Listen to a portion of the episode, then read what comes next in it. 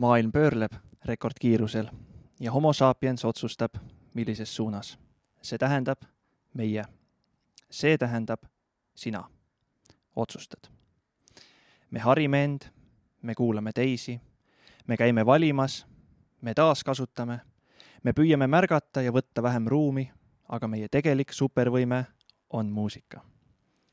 kui su kodutunne on suurem kui su krunt või korter, kui su looduse armastus ei tunne riigipiire kui sind saadab edu, aga sa märkad mahajääjaid, kui sa oled valmis uskuma, et see, mida sa tead, ei pruugi olla kogu tõde, kui su maailmapildis on rohkem kui kaks värvi, siis tere tulemast senatisse. otsi üles oma teadlikkus, kriitiline meel ja empaatia, ühiskonna üldkoosolek koguneb siin saalis. me ei oota lihtsustatud vastuseid. taanduv ignorants on meie esimene võit. elagu teaduslik mõtteviis, elagu rahvaste rahu tere tulemast senati puhvetisse, Raul Rebane ja kõik neli senaatorit. tänane teema on äh, kaua oodatud, millest tohib rääkida, millest üldse tohib rääkida. teema on lai ja, ja teen enda mõttega otsa lahti. Raul, sinu ülesanne on siis anda äh, sada protsenti läbinisti äh, otsani tõesed vastused kõigile meie küsimustele ja maandada kõik meie kahtlused ja küsimused elu osas. nimelt, nagu me hästi teame, polariseerumist maailmas on väga palju ja aina rohkem ja infoküllus tekitab pinnapealsust.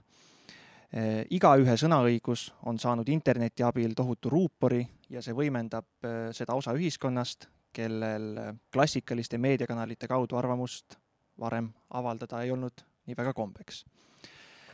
ühiskondlik diskussioon oli võrdlemisi tsiviliseeritud seetõttu. nii väärtuslikku akent oma hääle kuuldavaks tegemiseks nagu intervjuu Aktuaalses Kaameras või Postimehe arvamuskülgedel ei kulutatud naljalt mõtlematuks ja tühipaljaks lahmimiseks.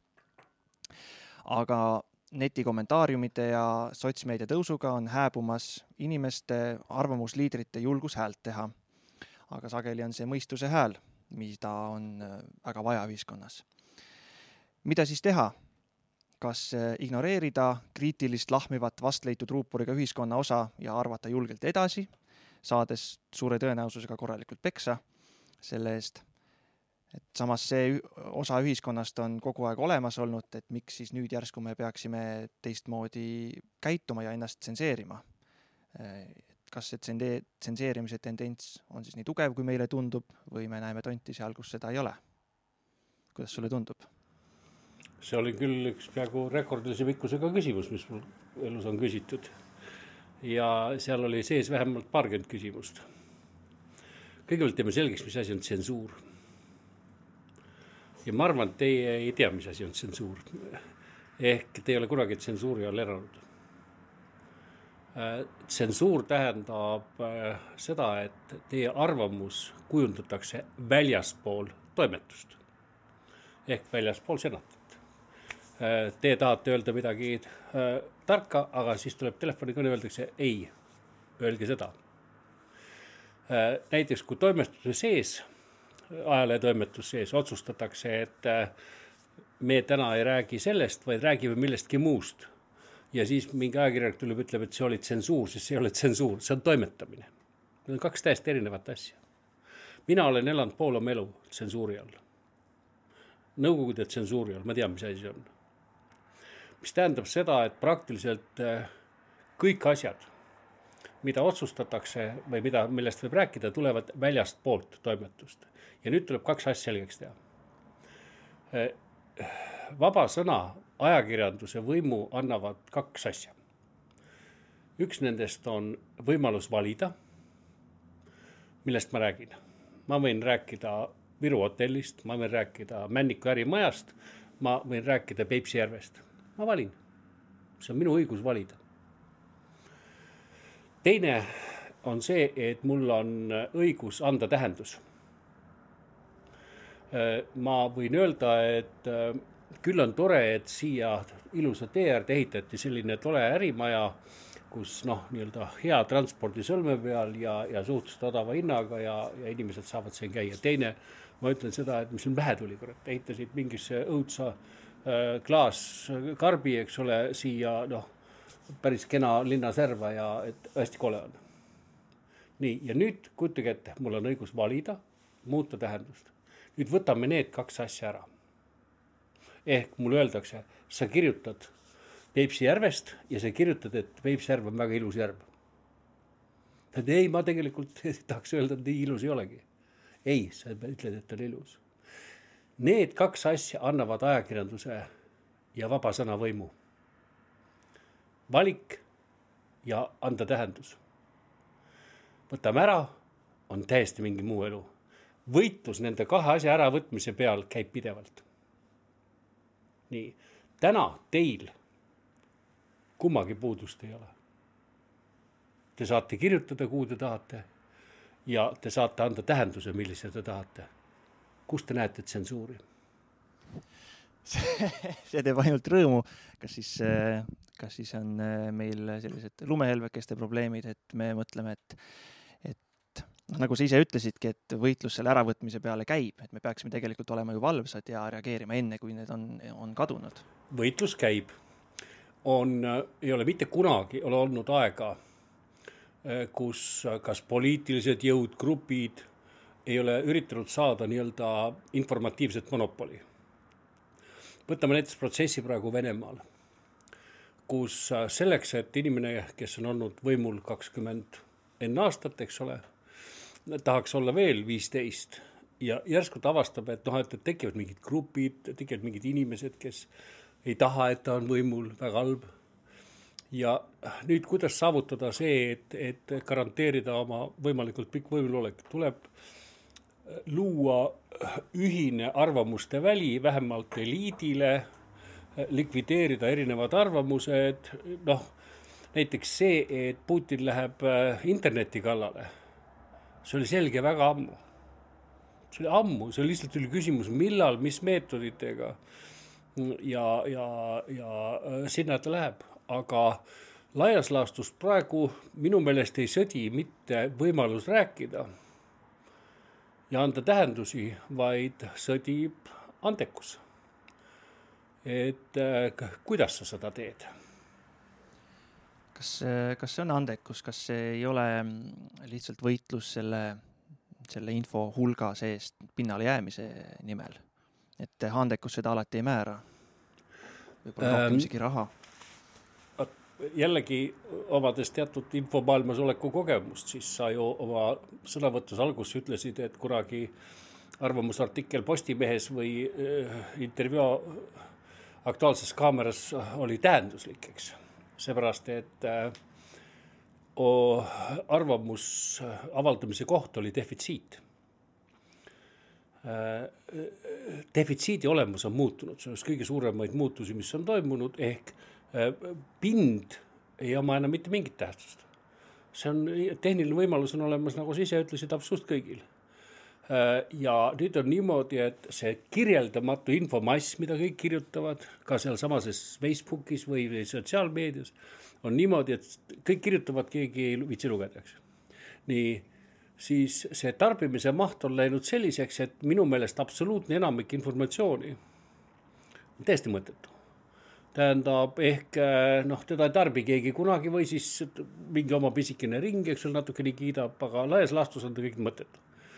Nüüd on küsimus selles, et kuidas sealt esile tõusta. kas anda suurem ruupor, noh, minnes, ma ei tea, suurde meediasse, minnes kohalikku, ma ei tea, riigi tasandi või rahvusvahelisse meediasse või teine on see, et kirjutada väga hästi, hiilgavalt või soovitavalt geniaalselt. Äh, siis äh, väga tihti toimub see protsess, kus sellesama sotsiaalmeedia seest leitakse ülesse need asjad, mis on head või tähenduslikud, hakkab korjuma oma toetajate rühm, see on ideoloogiate võitlus. tee hästi. nii lihtne see ongi see ideoloogiate võitlus on, võtab väga hästi kokku mu järgmise mõtte või küsimuse, et ma olen märganud nüüd ja noh, ilmselt kõik on, kes on jälginud, et meil hakkab, et igal inimesel on oma, omad arvamused, omad nägemused ja iga inimene otsib mingisugust kuuluvust. On tal siis oma pere või on tal seal sõbrad või mõttekaaslased ja tänu sellele, et äh, ongi igal pool kõik kirjutavad midagi, rohkem on infot, kui üldse keegi lugeda jõuab, äh, siis koondutakse nende inimeste ümber, kellega mõtted on samasugused. on need siis noh, teaduslikult tõendatud head õiged mõtted, noh, head mõtted, mis on hea mõte, või siis, või ongi äärmuslikud grupid koonduvad tänu sellele, et nüüd on nii palju võimalust ja kõike muud ja, ja kui, kuigi ise tahaks ju mõelda, et kirjuta hästi, äh, konkureeri nende teiste mõtetega, jõua nendeni kohale, et pakkuda välja mingisuguseid teisi nägemusi sellele probleemile, mida nemad näevad võib-olla ühest küljest, siis kuidas seda teha selles mõttes, et äh, kui, kui nemad otsivad äh, noh, ma räägin kogu aeg nüüd mingitest nendest. ma ei, ma ei püüa kellegi vastandada, ma lihtsalt räägin abstraktsest inimhulgast, aga et nad otsivad omale võimalikult lähedaste mõtetega inimrühmasid, eh, Facebooki gruppe, et, eh, et leida kinnitust oma mõtetele. võib-olla see ongi, mida ma olen märganud, et otsitakse kinnitust oma mõtetele, mitte äh, ma ei tea, teaduslikku selgitust mingile asjale või midagi muud, vaid et keegi tuleks ja ütleks, et jah, see, mis sa mõtled, on õige. unusta kõik muu ära äh,. ma teen pikema sissejuhatuse sellele mõttele et muidu võib segadus tekkida. mul oli kunagi üks sõber ja see oli väga ammu, umbes nelikümmend aastat tagasi. ja tema oli väga edukas ühes business'is. noh, tollal küll business'i ei olnud, aga, aga tema oli. tema müüs Leningradi turul kurke. ja äh, Peipsi ääres keegi kasvatas, tema sõitis turule ja müüs, üliedukalt müüs igal aastal ostis uue Žiguli, mis tol ajal oli noh, ütleme niimoodi, et nagu praegu ostaks, ma ei tea, mingi, mingi superauto iga aasta, natuke rohkem isegi. mis tähendab, et ta oli edukas. nüüd miks, mina küsisin, et räägi mulle, kuidas sa müüd nii edukalt Leningradis kurke. ja ta ütles, et väga lihtne, et ta läheb Leningradi ja läheb turule ja võtab kurgid ja paneb kolm hunnikusse. ja ühele paneb äh, odava hinna ja ühele paneb hästi kalli hinna ja siis ühele paneb keskmise hinna. inimesed tulevad, vaatavad neid kurguhunnikuid ja üks ostab alati kõige odavamat, seepärast et äh, tal pole kas raha või ta on harjunud ostma, raha taskust välja ei tule. on osa inimesi, kes ostavad alati kõige kallimat, sest see on kõige parem äh, ja isegi ei hakka arutama ja siis on osa, kes tantsib kahe grupi vahel, kallist nagu ei taha, tead, sul natuke liiga kallis, see odav on, tead nagu ei taha ka nii ma võtan parem keskelt. Te mõelge hetkeks, kuhu gruppi te kuulute. ja mõte on selles, et kurgid olid samast kotist. Äh, inimesed ostsid iseenda sisetunnetust või seda, kes nad tegelikult on ja selle jutu järeldus on see, inimesed on erinevad ja, ja sa pead kogu aeg selle peale mõtlema, et inimesed on erinevad, seepärast et nad näevadki, vaatavad sama asja. filmirežissöör Dovženko ütles, mäletan omal ajal, et kaks inimest vaatavad, üks näeb taevast, teine näeb mulda. ja, ja äh, see ongi asja olemus. see, mis toimub praegu sotsiaalmeedias, meedias äh,, see nii-öelda splitistumine, laialijooksmine äh,, see tegelikult kirjeldab ühte nähtust, mille sees te kõik olete tundide kaupa. inimesed kondavad mööda internetti otsivad endasuguseid. nii, ja lõpuks siis mingite nähtuste põhjal äh, ühinevad, noh, klassika on praegu, eks ole, siis kõikvõimalike vaktsiinivastaste ühinemine, eks ole, igast muude nähtuste järgi ühinemine. ja, aga see on ka teooria, see on, see on ju läbi uuritud. et kuidas see laias laastus toimub ja nende gruppide vahel toimub võitlus äh,. igaüks üritab oma ideoloogiat rääkida dominantsemaks ja, ja see ongi praegu meie elu üks kõige ole, olemuslikumaid kohti, kui sa kaotad selle võitluse, noh siis, siis nii ongi. siis sa võid olla väga palju kaotanud. ja, ja, ja see tähendab, et näiteks kui võtta rahvuslikul tasandil, siis see tähendabki oma rahvuslike müütide ajaloolis-kultuurilise pärandi võitlust, eks ole, selle eest võitluses teistega oma kujundite loomist, äh, ühendavate kujundite loomist, nii see, see toimub absoluutselt iga päev. internet on lahti andnud selleks lihtsalt uue tehnilise võimaluse.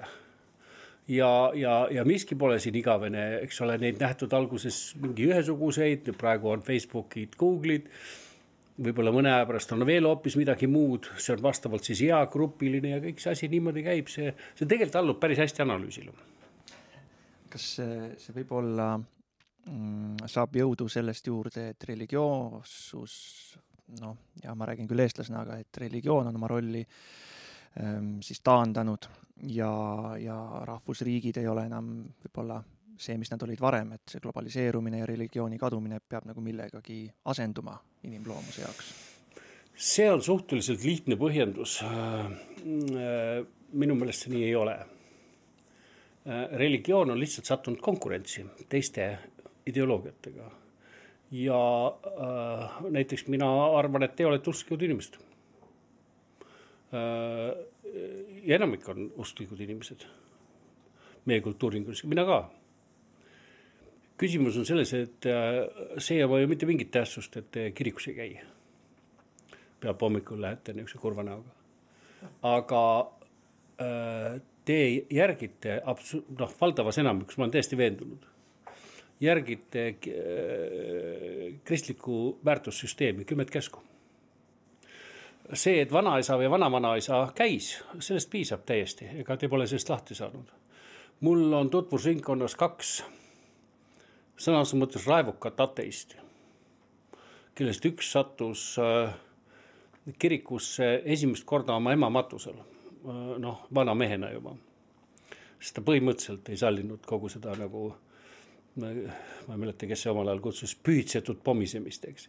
aga, aga äh, mina jälle ütlesin sulle, et sa oled äh, fundamentaalne luterlane, protestant ehk ta raevukalt järgib oma laste kasvatamisel näiteks kümne käsu reegleid, ma ütlesin, mis tähtsust see omab, et sa ei käi pühapäeviti kirikus. Sa jälgid väärtussüsteemi, see on tähtis, ideoloogia on tähtis, mitte tseremoonia.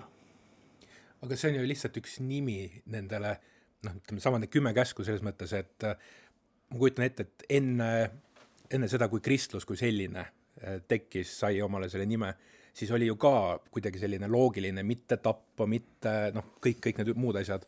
et lihtsalt nüüd üks religioon noh, või, või mitmed on võtnud need lihtsalt sellised väärtused oma hõlma. vaadake kristlust teise pilguga, vaadake kristlust kui maailma ajaloo ühte kõige edukamat PR-projekti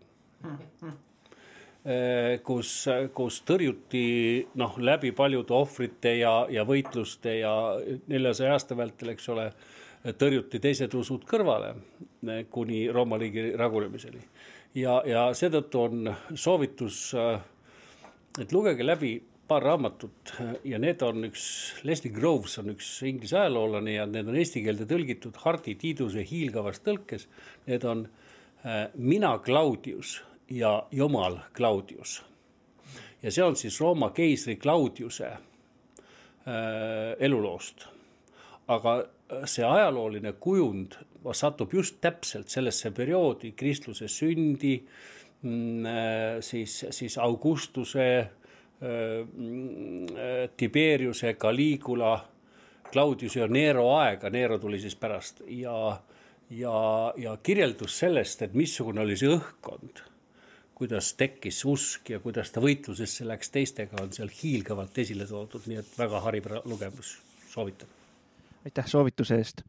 Ehm, natukene tüürides tagasi äh, meie teema juurde, millest äh, üldse tohib rääkida, äh, tekkis mul küsimus, et ehm, sa ütled, et kõik kirjutavad, keegi ei loe sotsiaalmeedias, internetis, igal pool, et kas me tegelikult siis nagu peaksime arvamust avaldama, et noh, minu, minu veendumus on see, et arvamus peaks olema olemas, et kui sul tekib mingisugune olukord, kus sa pead millelegi toetuma oma otsustes, siis sul on, millele toetuda.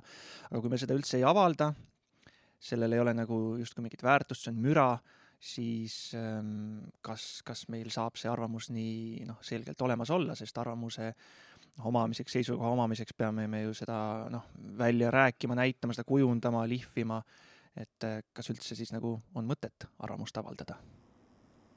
loomulikult on mõtet, äh, sõltub, kes sa oled, noh äh, sõltub, kas sa, kas sa tahad öö, oma arvamust kuulda tuua või ei taha, osa ei taha näiteks võib-olla.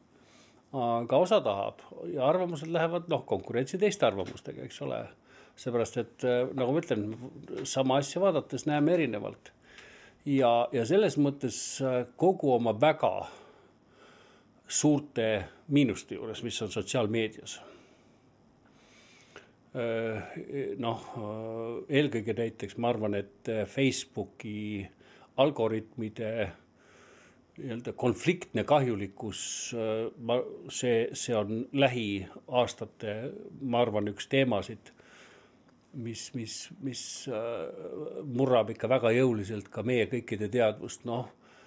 paar nädalat tagasi siin äh, Jessica Aro, Soome ajakirjanik, kes kirjutas siin sellise teose nagu Putini trollid ja, ja kes teab väga täpselt, mis tähendab noh, infomõjutus ja nii edasi, nimetas seda Tallinna Ülikooli ühel seminaril äh, Facebooki äh, psühholoogiliseks massihävitusrelvaks.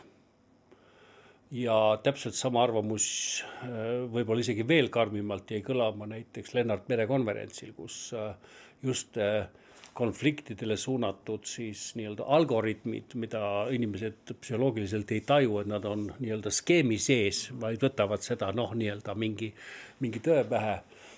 siis, siis need on väga ohtlikud, aga teistpidi jälle annab see võimaluse mm, avaldada erinevate nähtuste kohta oma seisukohti ja kui see seisukoht on, kas mõistab ühiskonna psühholoogilist seisundit, on kellelegi oluline võib-olla on mingi uus aspekt, äh, siis ta muutub ühisomandiks ja seal tekib oma järgijate ring. Äh, ja nii, nii, nii algab võitlus äh, nii-öelda sinna, sinna suureks arvamusliidriks, et arvavad, on olemas neli sellist tüüpi keda ma ise võib-olla ei tajugi sellisena, aga noh, on olemas lihtne arvaja. kuulake saadet Vox Populi ja siis te saate nii-öelda selle arvaja kätte. ja ta arvab ükskõik millest, ükskõik kui palju ja, ja, ja, ja neid on hästi palju. on olemas asjatundja. ja asjatundja on inimene, kes on siis oma elu ja tegevusega ära teeninud äh, selle õiguse, et tal on õigus rääkida mulle, ma ei tea, nafta hindadest äh,. tal on õigus rääkida, kuidas kasvab tomat, eks ole ja, ja neid on miljoneid arvamusi, kus on vaja võib-olla asjatundja abi, eks. Need on ka internetis, need on meedias igal pool, on olemas ekspert. ja ekspert on tunnetuslikult oluliselt tugevam staatus, kui on asjatundja ja tema on oma elutegevuse ja siis just sellise infokonkurentsiga suutnud äh, tõestada, et väga paljud või enamik tema arvamusi on kas tõesed, inimestele olulised, vajalikud. ja, ja ta ei ole petnud, noh, enamikel juhtudel. see koht võideldakse kätte ja neljas on guru. ja guru on siis selline, et äh, saavutatakse tunnetuslik seisund ühiskonnas, kus mingi inimene saavutab nagu mingis valdkonnas absoluutselt nagu seisundi, kus tema arvamusi enam nagu peaaegu et ei vaidlustatagi. et see võib olla muusika kohta, noh, ma ei tea, Pärti peaaegu et ei vaidlustata, noh, noh, no võib natuke kritiseerida, aga teda nagu ei vaidlustata eriti. või siis, eks ole, näiteks võin öelda, et äh, Gerd Kanteri islandlasest treener Western Hafstenson on kettaheitmaailma ideoloogia guru.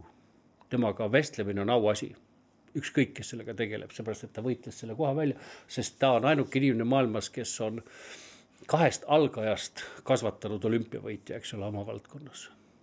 kahest sõnades mõttes ja veel erinevad rahvused ja, ja need ei ole veel tema oma rahvus, üks on rootslane, teine on eestlane. ja nii edasi. ja võitlus nende staatuste pärast käib kogu aeg. ja, ja ekspertide nii-öelda võim avalikkuse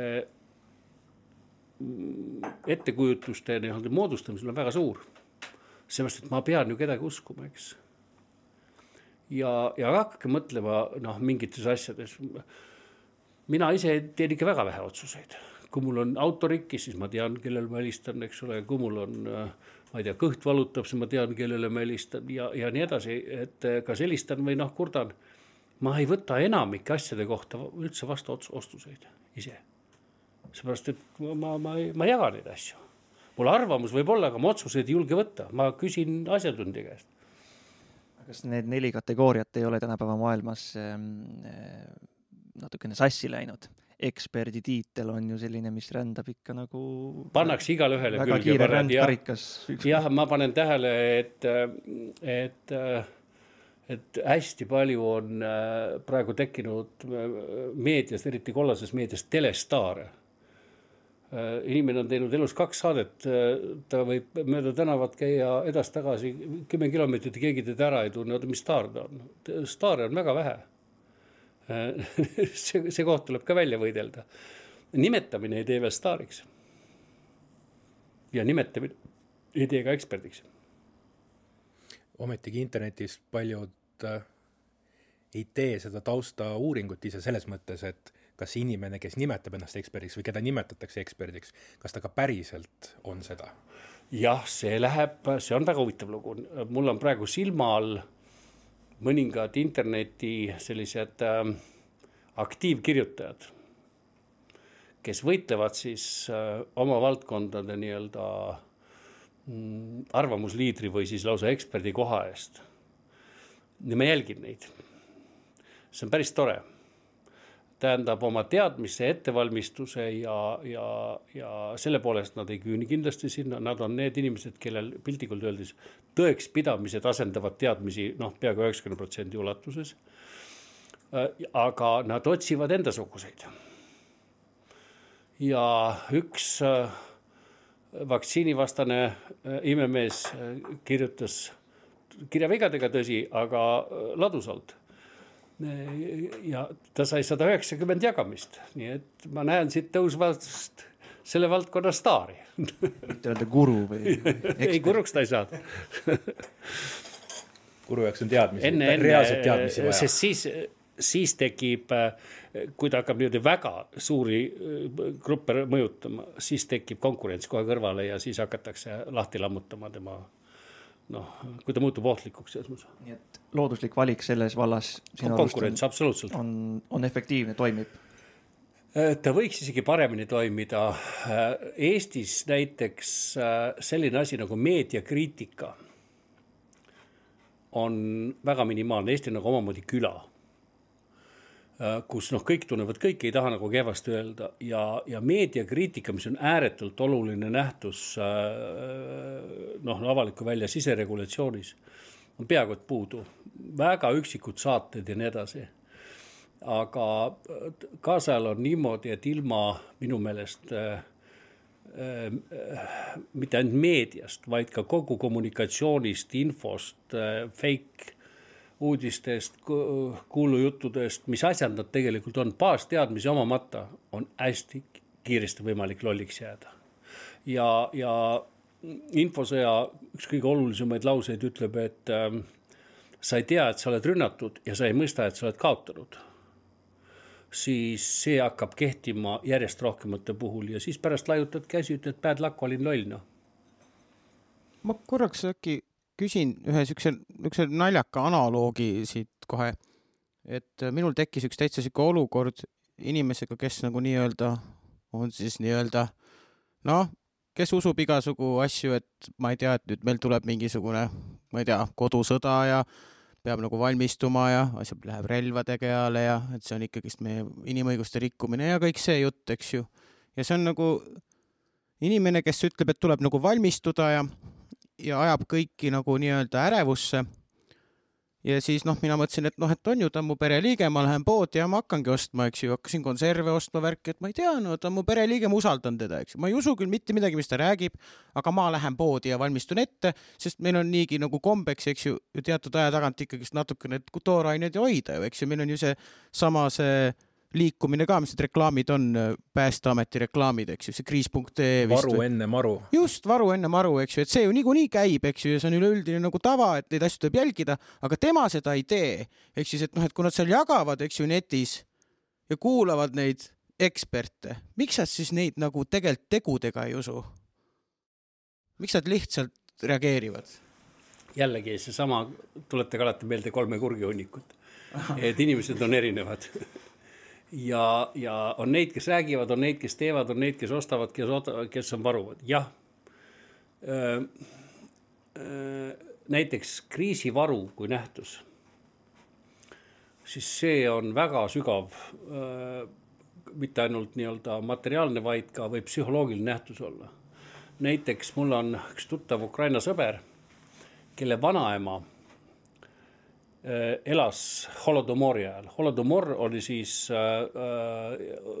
kolossaalne Ukraina näljahäda, mida Stalini organiseeritud, kus suri miljoneid inimesi ja tema vanaema elas sel ajal. ja tänaseni tema vanaema mitte kunagi ei viska ära ühtegi tükki leiba, vaid ta kuivatab need ära, teeb kuivikuid, seepärast et, et tal on see geenides see mälestus, ta elas väga-väga vanaks Äh, noh, nüüd on surnud küll. ja, ja näiteks see selline nii-öelda terve kriisivaru, mis on mitte seotud äh, äh ainult noh, mingisuguse juttudega, vaid, vaid äh, lausa ikkagi ettevalmistusega probleemideks, siis võtame oma lugupeetud põhjanaabrid. ja põhjanaabritel on selline struktuur, mis nüüd tehti ka meil üks pool aastat tagasi, aga neil on see juba, ma ei tea, pärast teist maailmasõda selle äh, asja nimi on Huoltovarmuskeskus, see on riigi kriisivaru, mis moodustatakse vist siis äh, summadest, mis tulevad teatud protsendiga käibemaksust.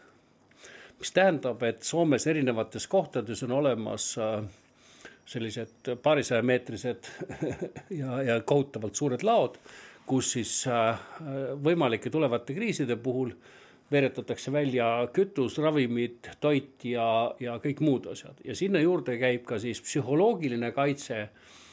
Äh, ka näiteks vaba sõna kaitse, et ei saavutataks diktatuuri ja seda teeb siis hooldevarmuskeskuse juures olev struktuur, mille nimi on meediapool ja selle hulka käibki siis tehnoloogiline, näiteks, et oleks internet tagatud ja kommunikatsioonivahendid ja need siis ühendavad omavahel Äh, praktiliselt kõiki suuremaid Soome väljaandeid.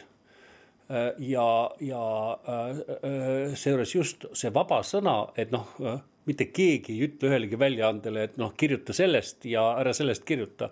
või, või noh, nad ei mõjuta absoluutselt sisu poolt. vaid, vaid arutatakse läbi riskid ka meediale Äh, ja seejuures äh, toimetused teevad ise oma valikud, aga laias laastus äh, valikud noh,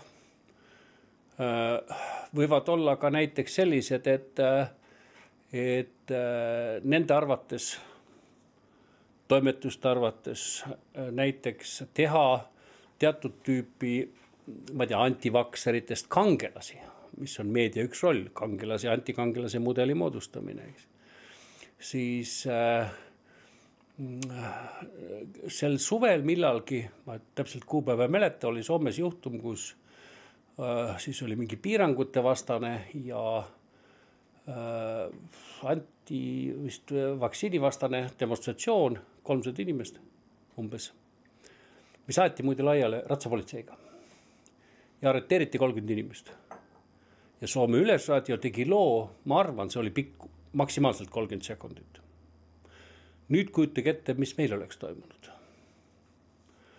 äh,. iga kinni võetud inimesega oleks kindlasti tehtud intervjuu, kuidas ta ai-ai-ai kui halb ja nii edasi. oota, miks nad seda siis tegid, kas Soomes ei ole vaba sõna? ei, Soomes on vaba sõna kõvasti. ta on äh, sõnavabaduse indeksis meist väga-väga palju eespool. nii, kuigi meil ei ole ka kaua aega ei olnud pahasti, aga, aga noh, nüüd hakkas kehvemaks minema ei, nad tegid seepärast, et sotsiaalne vastutus meedial on see, et kui näiteks on teatud nähtusi, mis on ohtlikud, äh, siis nendest äh, nad toimetuse sisese otsusega, mitte kellegi korraldusega, ministeeriumist keegi ei helista, vaid ajakirjanike ühine arvamus, istuvad laua taga, teevad otsuse, ei, me ei tee neist kangelasi. ma keeldun, ma, ma, ma, ma ei kirjuta siia lehtele, ma lähen minema ja see, see toimib äärmiselt tugevalt, nii et siin on nagu meie ja Põhjamaade, ütleme aja, pikaaegse demo-, demokraatia äh, äh, kogemuse suhtes on veel väga suur vahe, meil on pikk tee minna.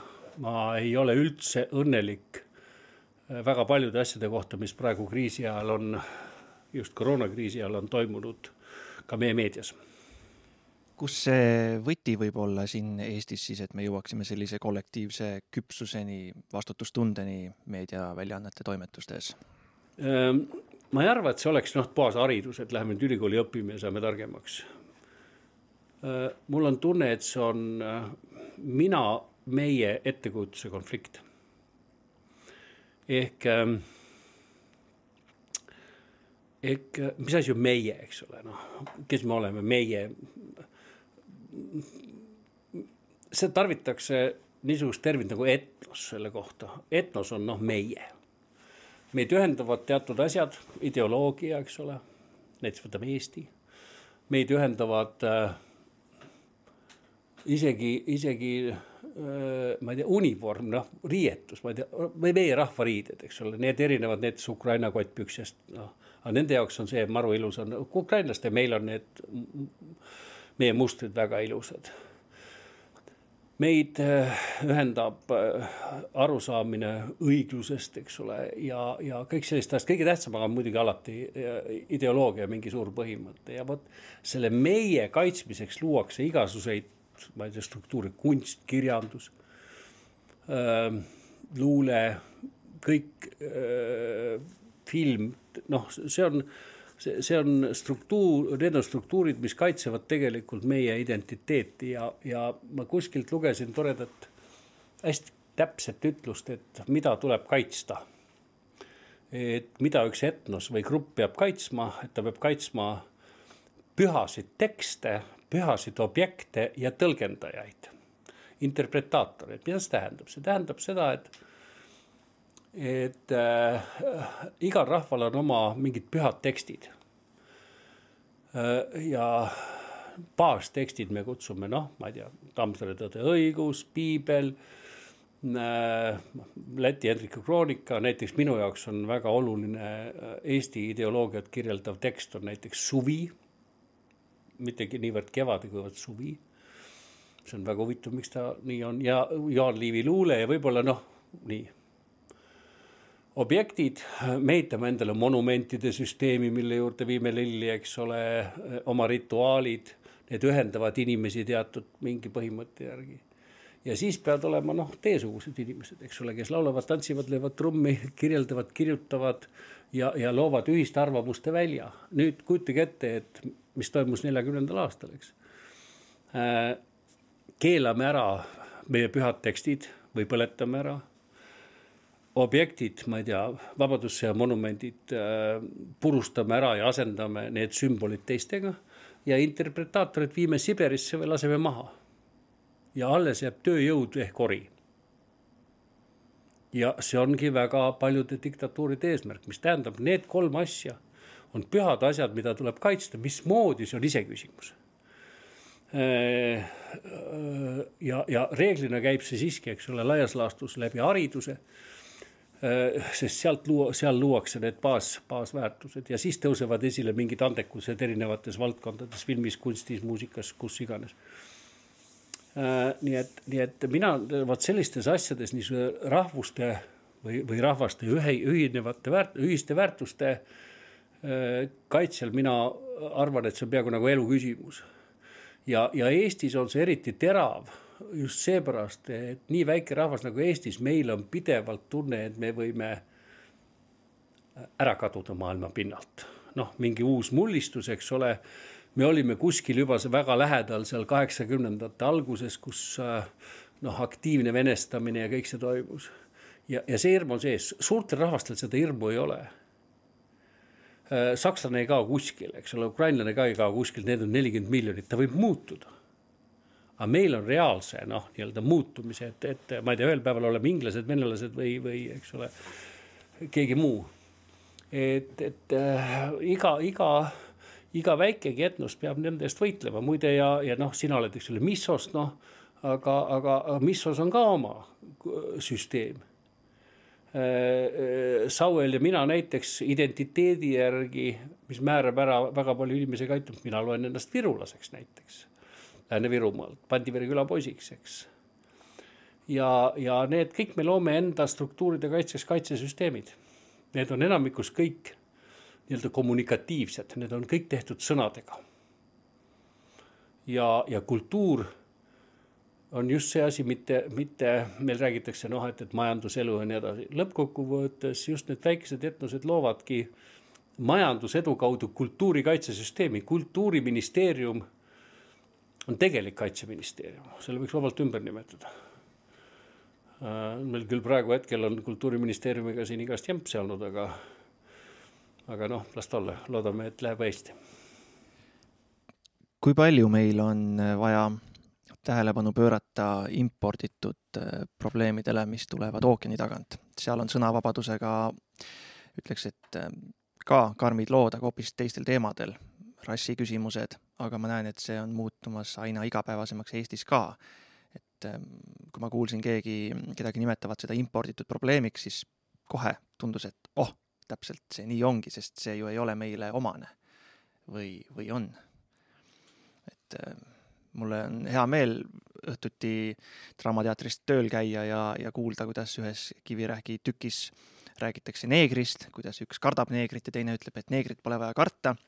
See on ainuke koht, kus ma praegu seda sõna kuulen, sest igal pool mujal juba minnakse kaasa siis sellega, et ütleme kuidagi ümber, sest äh, äkki ei tohi öelda teistmoodi. et, et, et sellest nagu ei tohi rääkida sedamoodi jah, sõnad muudavad oma tähendust äh,. näiteks nõukogude ajal äh, sõna lind võis väga kergelt tähendada nii-öelda prostituuti. Ja ma ei tea, kas ta praegu nii tajutakse, aga tol ajal oli päris selge. et need kõik, kõik, kõik asjad võivad nii juhtuda äh,. Äh, teiste rahvuste viha või teistsuguste viha on alati eksisteerinud ja mina olen päris süsteemselt üritanud uurida näiteks äh, äh, juudi viha nähtust. noh, mis on maailma ajalugu väga paljuski mõjutanud, eks kõige kohutavamate asjadeni välja, mis toimusid, eks ole, holokausti ja kõige sellega koos. mu enda parim sõber Agi Sein, eks ole, noh mm ja, ja nüüd ja, ja, ja järsku mingil hetkel ma sain aru, et äh, eriti kui sa oled käinud väga palju välismaal, töötanud väga paljude inimestega koos.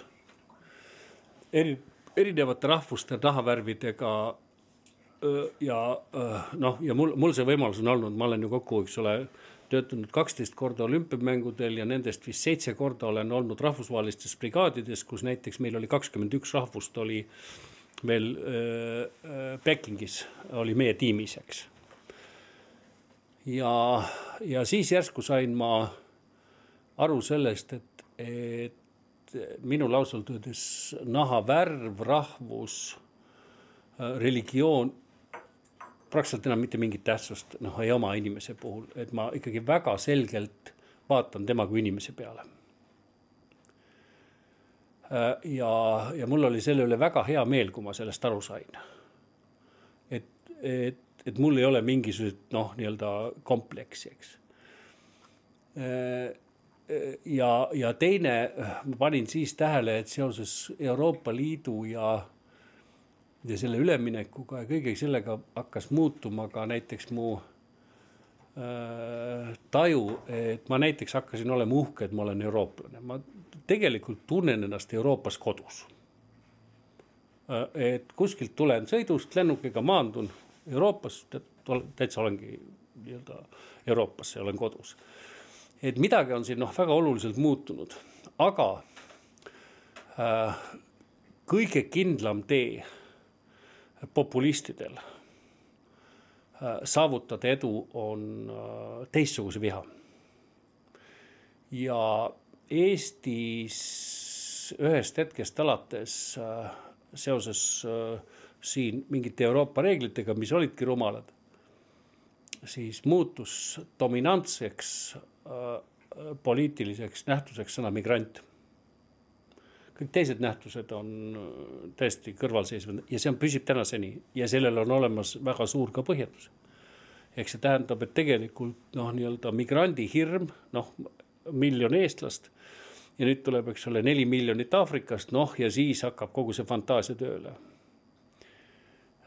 ja praegu just toimuvad väga olulised sündmused Leedu-Poola piiril, eks ole ja, ja ka see on terve teadus, aga põhimõtteliselt see, et igal etnosel on õigus kaitsta oma noh, piire ja, ja, ja luua oma kodakondsus ja oma keele, kultuuri ja selle kaitsmise struktuurid, siis see on elementaarne, seda ma absoluutselt sada protsenti toetan. ja, ja arvan, et väga paljud Eestis on tehtud ka asjad õigesti, aga sel juhtumil minna rassismi, see on mulle fundamentaalselt vastuvõtmatu. Seepärast, et tõesti öö, olen töötanud koos ei tea kellega ja ei tea, kus kohal ja mul seda vahet ei ole väga palju tarku, andekaid, tublisid inimesi kõigi erinevatest rahvustest. Ja mul on, see on, see on tegelikult minu arust on see ausus on just hea, et ma kasvasin kogu aeg üles ka lapsest peale, et ei, mul ei ole mingit siukest asja, mul ei ole mingit, ma ei ole mingi rassist, ma olen absoluutselt tolerantne kõigi suhtes. aga siis ma ühel hetkel vaatasin, kui ma elasin just ka Euroopas. Noh, ja kas ma, kas ma panin oma käe ja kontrollisin taskut, kui ma kõndisin pimedas tänaval, pimedas, eks ju? Ja mul tuli muust rahvusest inimene, kõndis minust mööda pimedas. kas ma kontrollisin taskut? ma kontrollisin taskut. ja ma alguses avastasin, et jah, minus on see väike mingi asi siis järelikult, millega peab tööd tegema aga võib-olla see oli nagu lihtsalt tegin. see enesealalhoiu instinkt, et see, et vastu tuli ja võib-olla oli teisest rahvusest, teisest rassist, oli üllatus. nojah, no ma ei tea, aga mina küll nagu peale seda nagu vaatasin, et noh, et, et mul on siis järelikult aga probleem. kas sa selle peale ei ole mõelnud, et eri rahvuste kohta on olemas kõige erinevaid müüte? Äh, ja, ja nende ületamine on päris keeruline, noh näiteks see äh, äh, Poola toru, torumees, eks. noh, see on ju terve nii-öelda nähtus, Ida-Euroopa, meie ka, hetkel muide on ju eestlased kõva bioloogiline relv, eks, me oleme maailma tipus nakatumiselt. alati on ju, meie oleme alati kõiki teisi kartnud ja nüüd, eks ole, noh, oleme maru kõvad, kartke meid, kurat. et, et, et me võime külla ka tulla ja siis vaadake ise, kuidas pärast hakkama saate. et see, see, see on päris hirmus tunne, tegelikult on neid samasuguseid müüte, noh, erinevate rahvuste kohta, anekdoote, nalju äh, on, on kõikide kohta, muide nägin Soome televisioonis omal ajal ühte vahvat saadet. ei, kurat, see oli kuskil äh,, kuidas Soome kuulutas narja, naljasõja Äh, Norral, seepärast et Norra äh, tohutu hulk anekdoote on soomlaste kohta. kes on noh, niisugune aeglane, peka nihuke üsna rumaluke ja nii edasi äh, siis on anekdoodid eestlaste, ma ei tea, venelaste, noh, kõikide rahvuste kohta. osa nendest on üsnagi kurjad aga samal ajal noh, anekdoot on anekdoot, iga asja kohta muide on olemas ka oma teooria, eks ole, kuidas anekdoodid sünnivad ja, ja kuidas nad mõjuvad ja kuidas need on välja mõeldud ja nii edasi.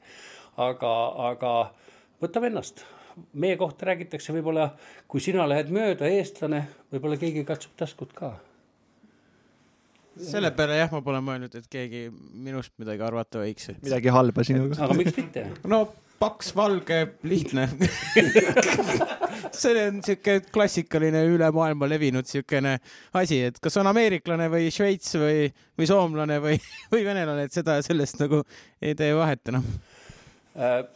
väga tähtis on see küsimus, et kus sa tunned ennast noh, nagu kodus või, või äh, missugune kultuuri kontekst on sulle äh, vastuvõetav, näiteks ma olen töötanud ikkagi näiteks ma ei kujuta ette, väga keeruline on ikkagi töötada Jaapanis näiteks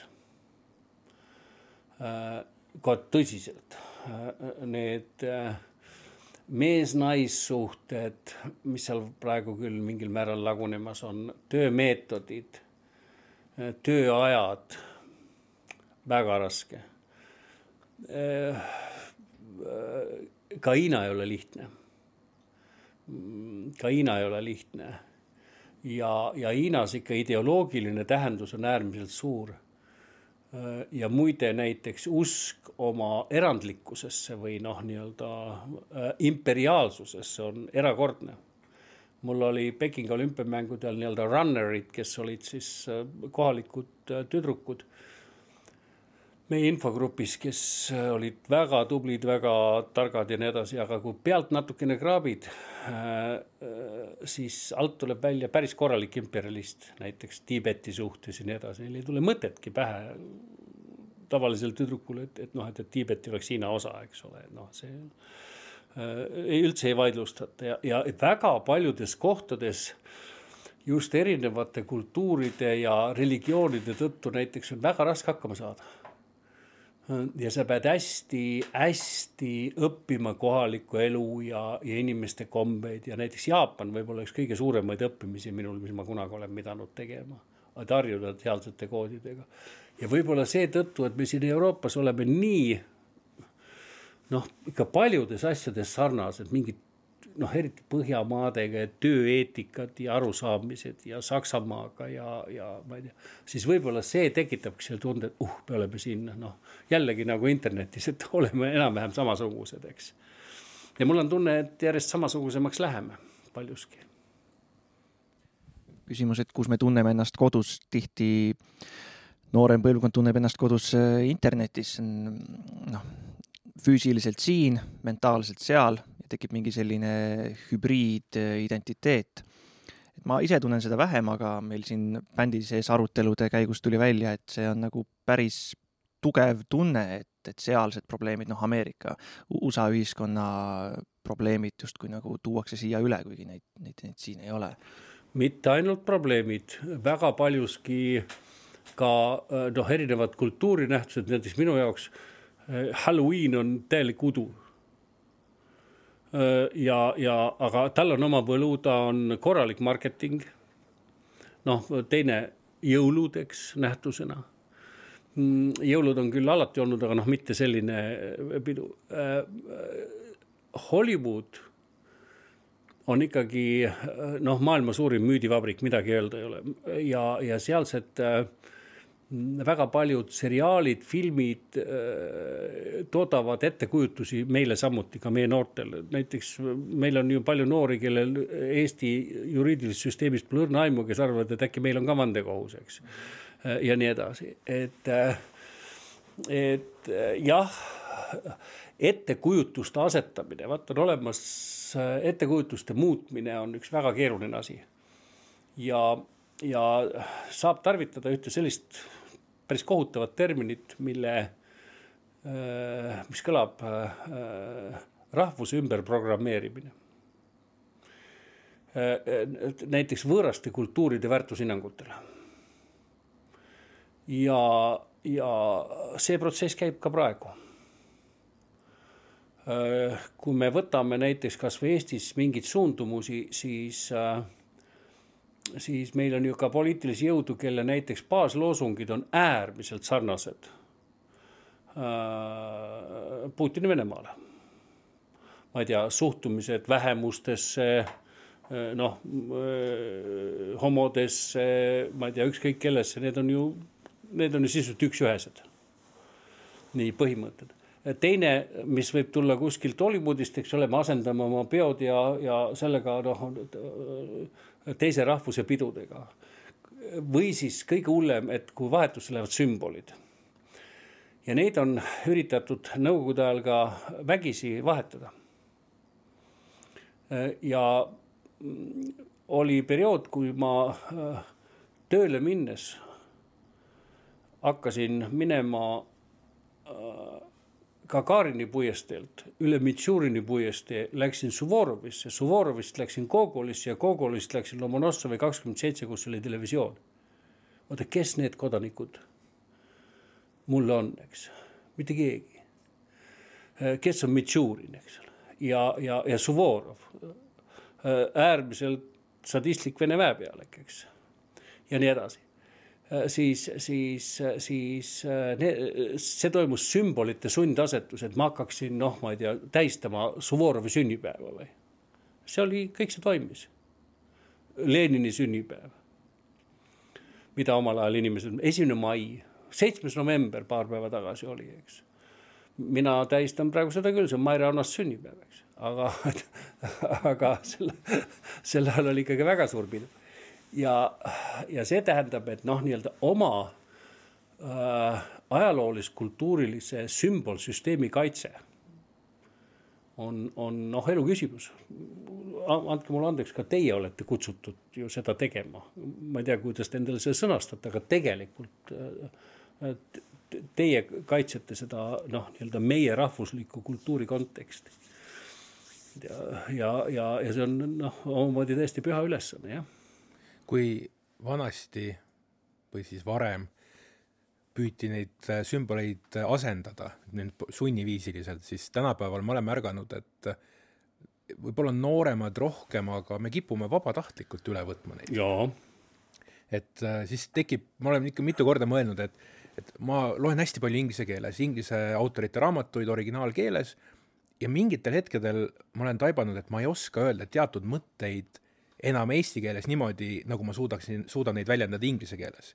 ja siis ma olen mõelnud hirmuga, et vot nüüd järgmised aastad aega ma loen ainult eesti kirjandusklassikat, et oma eesti keele sõnavara tagasi noh, normaalsuse tasemele tuua, nagu võiks ühel eestlasel olla see on ju lihtsalt maks, mis on tulnud kaasa sellega, et me oleme väga kiiresti ju tegelikult eurooplaseks muutunud see, no Euroopa ei tähenda inglise keelt, see on ikkagi eelkõige Ameerika, aga no,, aga see on omamoodi probleem küll.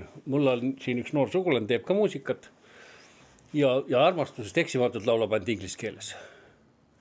ma küsin, miks, ta ütleb, et kuidagi niimoodi paremini, ma ei tea, mingid rõhud ja värgid, ma ütlesin, jama. et kui oled maailmaturul laulu inglise keeles, kui oled Eestis, noh, proovi eesti keeles, äkki saad hakkama, kui ei saa hakkama, siis sa oled lihtsalt andetuna ja, ja proovi. see on tegelikult probleem küll paljudel eriti ähm, karm on armastusega Soomes, see, see sõna on veel ja. raskesti laulatav. no ei ole midagi, aga saab hakkama ka suurepäraselt. on noh, muidugi isegi ungari keeles lauldakse armastusest, et et ei ole mingi probleem et et äh, kuigi ta, kuigi ta noh, tavalisele kõrvale kõlab ilmus keeruline. ei, see on probleem, see vabatahtlik loobumine ja ma olen seda tähele pannud äh, seal on natuke mingit edevust juures, natukene näitamist, et ma oskan, siis on äh, võõrkeelte oskus on alati olnud võib-olla meil üks kõige suuremaid plusse. väike rahvas peab oskama ja ma olen ise tundnud oma naha peal, kui tähtis on äh, konkurentsivõitluses, rahvusvahelises konkurentsivõitluses võõrkeelte oskus, noh. Äh, ja, ja äh, nüüd on toimunud siin taandareng. Eesti on võitnud ühe keele ehk inglise keel, aga on kaotanud soome ja vene keele. noored ei räägi enam vene keelt, nad ei saa üldse aru, mis toimub seal.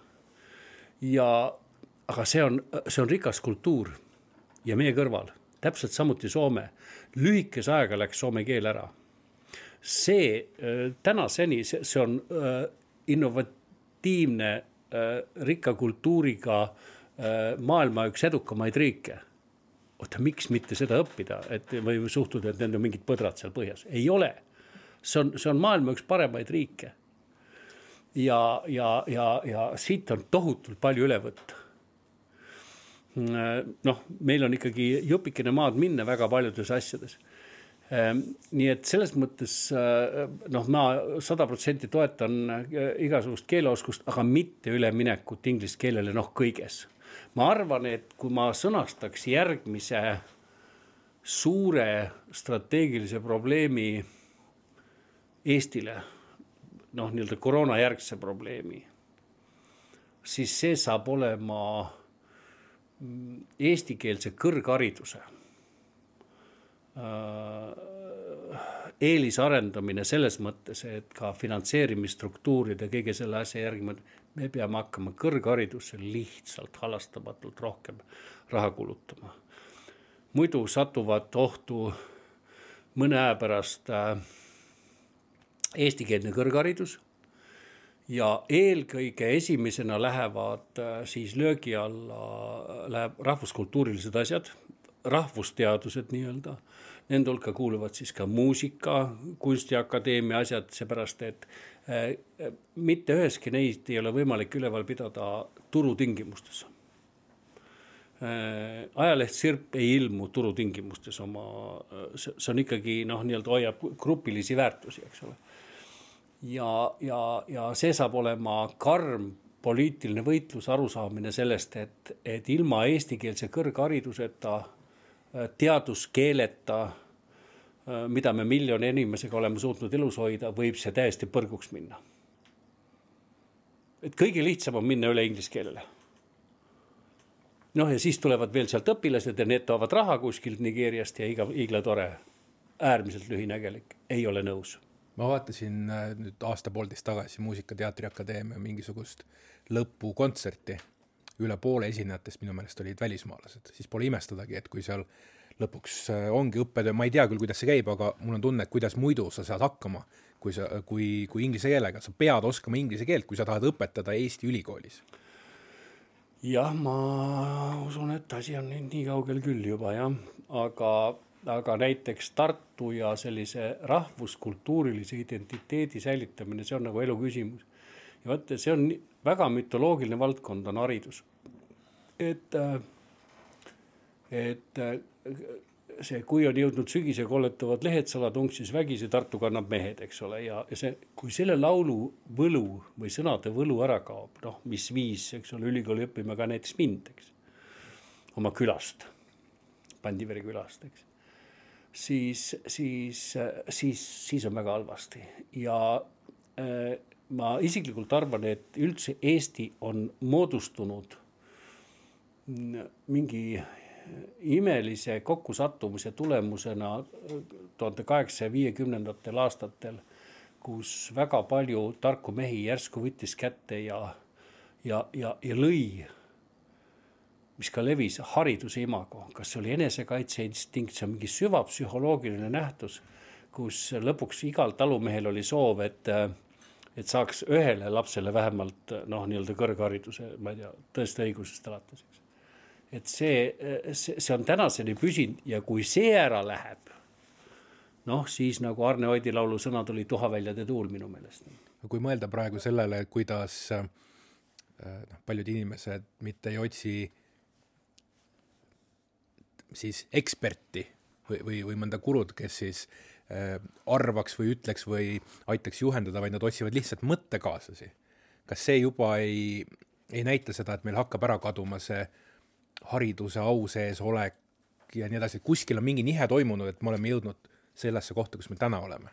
vaatame protsente, see päris ei ole absoluutne, tähendab uh, uhuu, udu ja, ja, ja kõikide nende asjade otsijaid uh, on Eestis palju. Ma olin, aga neid on igal pool, ma olin Ameerikas justkui Denveris toimus siis Lavemaa uskujate kongress, kolm pool tuhat inimest, ikka päris tõsine kamp oli koos. ja neile selgeks teha, et ta ei ole lame, noh, see on väga keeruline, peaaegu võimatu.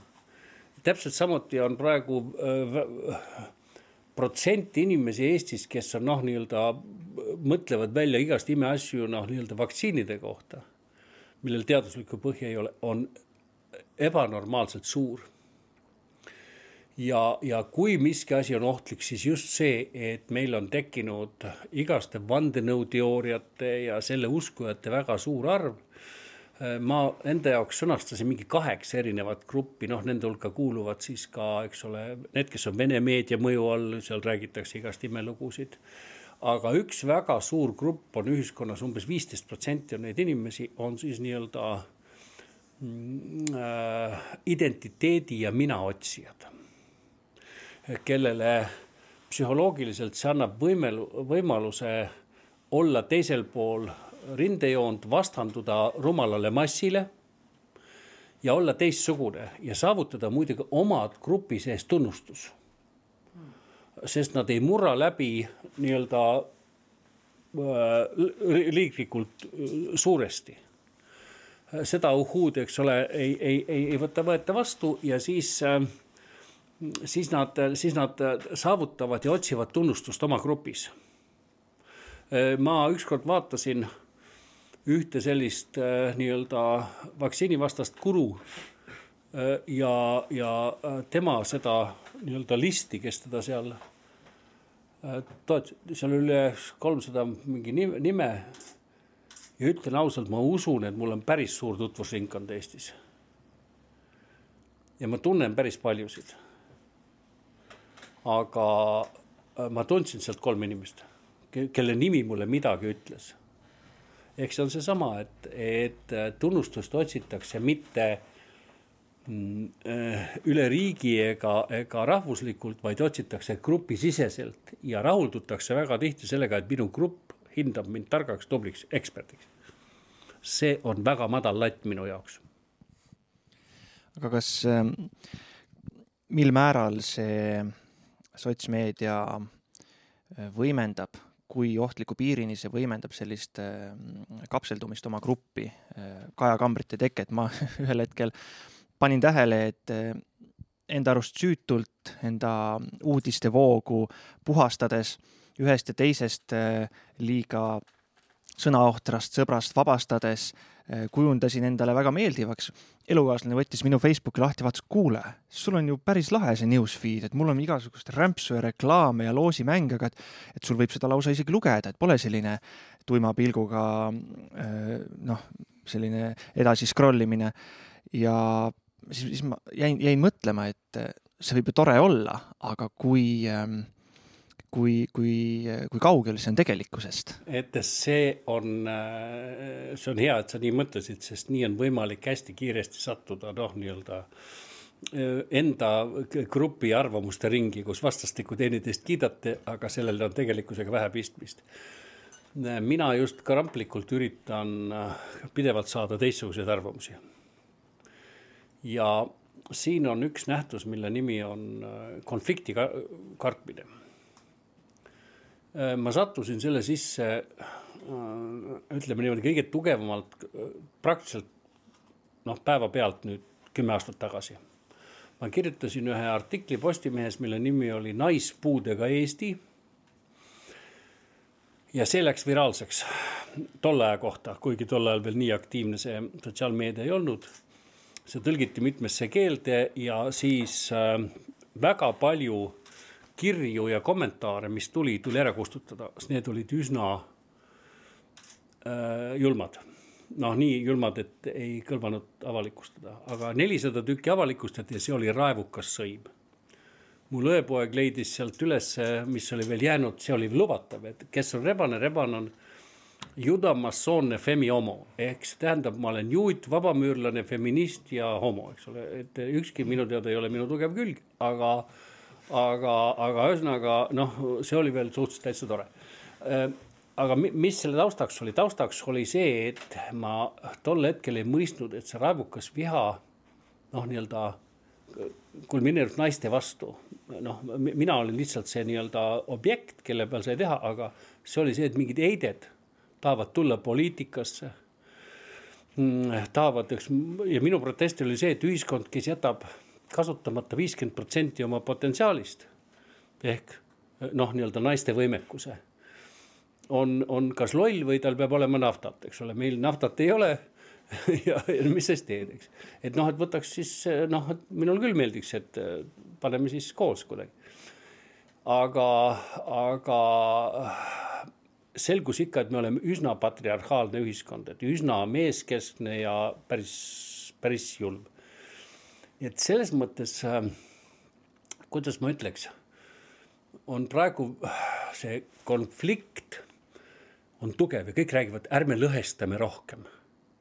oota, mida me lõhestame rohkem? see lõhe on ammu sees äh, see, et praegu keegi kirjutab mingi artikli, noh näiteks toetades aktiivselt, ma ei tea, äh, vaktsiini sellega ei suurenda, sest lõhe on õnne seda sa ei saa, sa ei, see, see, see kruus on juba põhimõtteliselt noh, nii-öelda vastastikku või vastandlike arvamustega katki.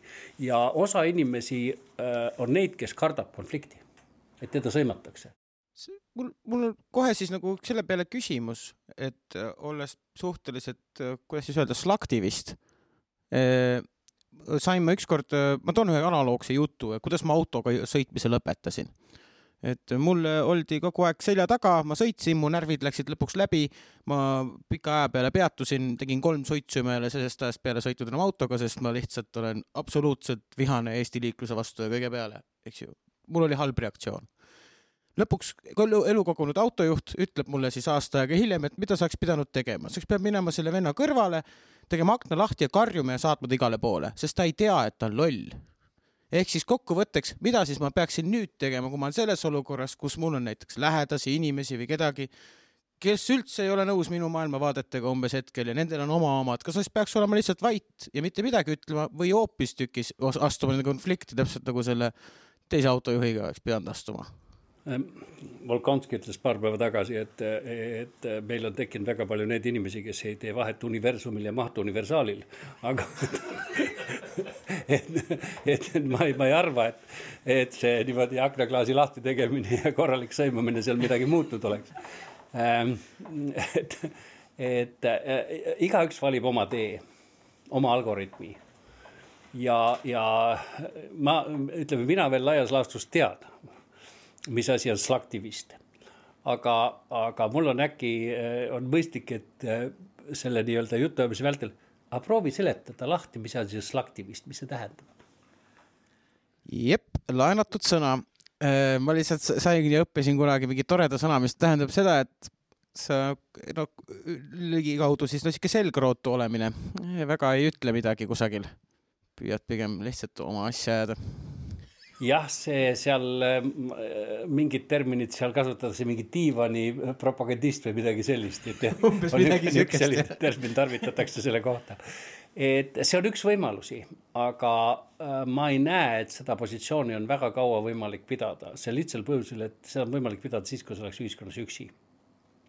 sest vältimatult sa lähed sotsiaalsetesse suhetesse, sa lähed konfliktidesse, sa lähed ja, ja mingil hetkel käib sul miski asi nii närvidele, et noh, et, et sa lihtsalt pead oma sõna sekka ütlema, et see oleks juba noh, nii-öelda põgenemine, ega siis mitte hääletamine on ju hääletamine valimistel sa ei osale, see tegelikult on hääletamine, sa annad igal juhul kellegi poolt hääle, hoolimata sellest, et ei, ma ei vali, ma olen nii kõva poiss. see ei tähenda äh,. nii et selles mõttes noh ma arvan, et see on tore, et sul on praegu selline seisukoht, aga ma usun, et aeg areneb ja, ja, ja mingil hetkel sa käärid käisid üles ja võib-olla lähedki sinna akna taha sõimama või, või otsima oma tõde ja õigust otsima. minu jaoks oli see nagu vabastusmoment, kui mulle öeldi, et ma oleks pidanud niimoodi tegema teemaga, selle küsimusega, millest tohib rääkida, seostuvad mulle vähemalt teemad, äh, poliitkorrektsus ja tühistamiskultuur ja kõik, kõik need kampaaniad, mis äh, viimastel aastatel on selles inglisekeelses maailmas, ütleme noh, Twitteris või noh, meil, meil siin seda nii palju ei ole, aga nüüd oli ikkagi suur äh, pealkiri, et kas Tõnis Mägi oleks vaja tühistada ja poleemika selle ümber et äh, siis tekib äh, selle valguses küsimus, et äh, millest võib rääkida ja kas me, me oleme vabad, me võime kõigest rääkida, aga kas, kas see nagu tühistamiskultuuri reaktsioon, kas see on miski, mille noh, kas ütleme, kuskil on mingid piirid, et inimeste identiteeti nende minatunnetust ei tohi riivata kas, kas see on, ütleme, viisakuse näitaja või see on arenenud inimeste, ühiskonna näitaja, et, et mingeid teemasid ei puudutata või võib nagu seal muinasjutuskeiser on keisri uutes rõivastes lapse kombel kõigest rääkida ja peab olema justkui see vabadus öelda ükskõik mida ja reaktsioon, noh, reaktsiooni ei ole vaja karta, ühesõnaga sellised märksõnad, et äkki saaksid avada natuke neid? Mina ausalt öeldes ei näe ühtegi teemat ega probleemi, mida käsitleda ei saaks, ma, ma küll ei ole näinud. ja, ja keegi ei saa mulle ka ütlema tulla, et mida ma käsitlen või mida ma teen. küsimus on selles, kuidas ma seda teen. ja siin on olemas mingisugused kokkuleppelised reeglid. oleme nimetanud kümmet käsku ja need võivad olla ka eetika, moraali ja, ja selle, nende vastu üks, ähm, kui nad näiteks on eetika, moraali ja, ja selle vastu, siis need on kõige vastikumad asjad.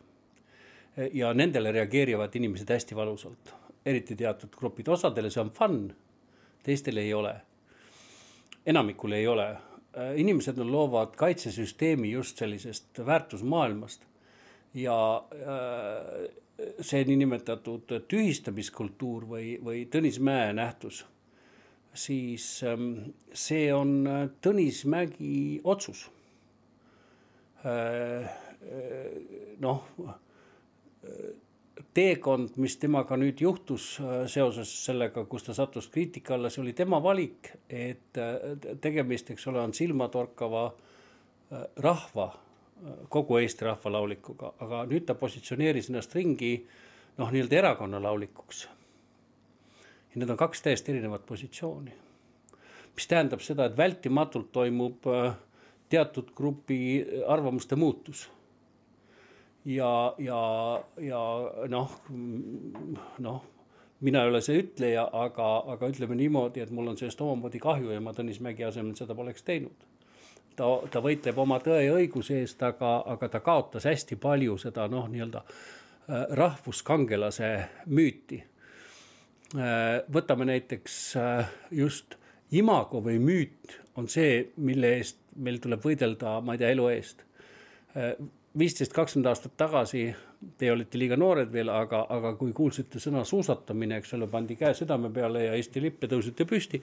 praegu nagu ei tahaks nagu sellest eriti rääkida, seepärast et mehed tegid midagi sellist, mis oli eetiliselt täiesti vastuvõtmatu enamikele inimestele. Ja need on need piirid, et kui sa eksid niisuguste asjade vastu, siis sa pead arvestama, et eh, suurte kadudega imagos ja suur kadu imagos tähendab häälekaotust. häälekaotus tähendab äh, mõjuvõimu kaotust. ja, ja, ja siis ei ole sul enam häält, siis sa noh, võid olla üksipäini oma toas, eks ole, ja rääkida kõva häälega ja, ja, ja võib-olla kass kuuleb, eks aga, aga paljudel juhtumitel see ei piisa. minu meelest see võitlus Eestis on praegu käsil, jõle huvitav on vaadata, kuidas noh, nii-öelda osa inimesi tulistab endale jalga või valib mingisuguse tee, mis on oluline tema grupile. Äh, noh, võtame näiteks siin äh, ühe nähtuse, mis tundus õudselt popp olevat. Äh, ja seal oli mitmeid tuhandeid inimesi Eesti Vabariigi sajandal juubelil. Korjus, ma ei tea, paar tuhat inimest ja kes sõitsid protesteerima Läti lippude all kõrge viina hinna vastu ja, ja seda valgustati ja räägiti ja teeti intervjuusid. oota, kodanik, sa Eesti Vabariigi sajandal juubelil, mis on meil noh, nii-öelda, sa oled viina hinna vastu protesteerima Lätti. Pardon. Noh, täitsa noh, sürn noh. ja oota, oota, mida sa siis veel võid teha järgmine kord? selle asemel nii või, või, või, või noh ja vaat ma enne ütlesin, et rahvuse ümberprogrammeerimise struktuur. kultuur, massikultuur, religioon, need on võtmeinimesed. aga skeem, kuidas seda tehakse, on lapsik Goebbels me oleme selle sees, me ei saa ju aru, Goebbels on kaheksakümmend aastat vana. kõigepealt valid ühe tüübilise grupi. juut, mustlane, neeger, ma ei tea, tudeng, migrant, ükskõik keda ja siis sõima teda niimoodi, et hambad plagisevad ja proteesid sulavad suus. ja ta, ta peab jääma süüdi meie muredes, ta peab olema maruohtlik ja seejuures väga huvitav pool on see, sa pead teda sõimama nii, et sa isegi pead ületama moraalsed piirid, siis osadele see meeldib.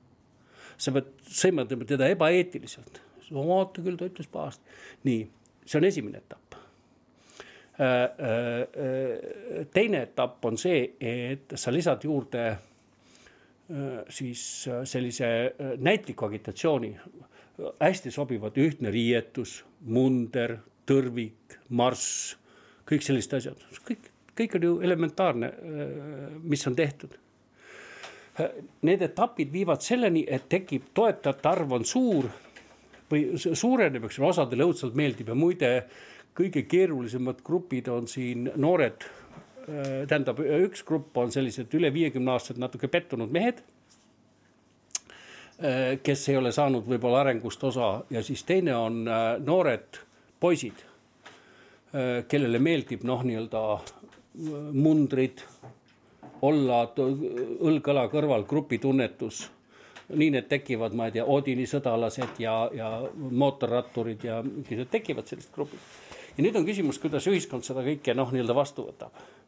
Ja enamik inimesi ei saa aru, et nad on skeemi sees, nad ütlevad ju, et aga osa mõtteid on neil ju väga-väga õiged. noh, ja nii on alati olnud, paljudes riikides, see käib, kõik need Euroopa väga paljudes riikides käib see protsess ja siis algab pihta nii-öelda ühiskondlik enesepuhastusprotsess. et kas sellest saadakse aru, kas tekivad liidrid, kes räägivad need jutud lahti kas osa inimesi pettub selles, et noh, et tegelikult ikkagi võim muutub, et mis siis juhtub, noh Ungaris me näeme, mis juhtub, eks et kui äh, Ungari oli võrreldes Eestiga ikka kaugel eesriik ja nüüd on meist, eks ole, paljudes ka majandusnäitajates selgelt taga, eks. diktatuur ei, ei, ei, ei, ei anna väga palju toitu, välja arvatud diktaatorile ja noh, tema ümbritsevatele seltskond. nii et selles mõttes äh,, kuidas ma viisakamalt ütlen, Eesti noorte inimeste ehk teiesuguste ideoloogia või noh, maailmavaade või tunnetus tegelikult määrab Eesti saatuse. Äh, ja ka teie hääl määrab Eesti saatuse. Seepärast, et kes on kuuskümmend, seitsekümmend, kaheksakümmend, noh, loomulikult protsessid toimuvad, eks. ja, ja näiteks ma ise arvan veel, et äh, kui minna veel väga kaugele, mina näiteks praegu arvan, et väga suure osa meie julgeolekust määrab ära see, kuidas mõtlevad ja missuguse suuna valivad teievanused noored inimesed Ukrainas äh,. Tundub väga kauge ja keeruline, aga ei ole, see on nii, et äh, kas Venemaa suudab allutada Ukraina või ei suuda. koos Ukrainaga on Venemaa impeerium. ilma Ukrainata on Venemaa riik, seda ütles juba Brzezinski ja see tähendab seda, et, et oluliselt lihtsam on olla turvaline riigi kõrval kui impeeriumi kõrval. Ja Ukraina noorte maailmapilt, kas ida või lääs, kas edasi või tagasi, kas korruptsioon või aus elu. Äh, kümne, viieteist, kahekümne aasta jooksul on ääretult oluline teie turvalisusele. pikk ja keerukas tee, aga väga otsene sellest, sellest dominoefektist on rääk-, rääkinud, rääkinud vanemad küll juba ammu, et alguses Gruusia, siis Ukraina ja nii edasi.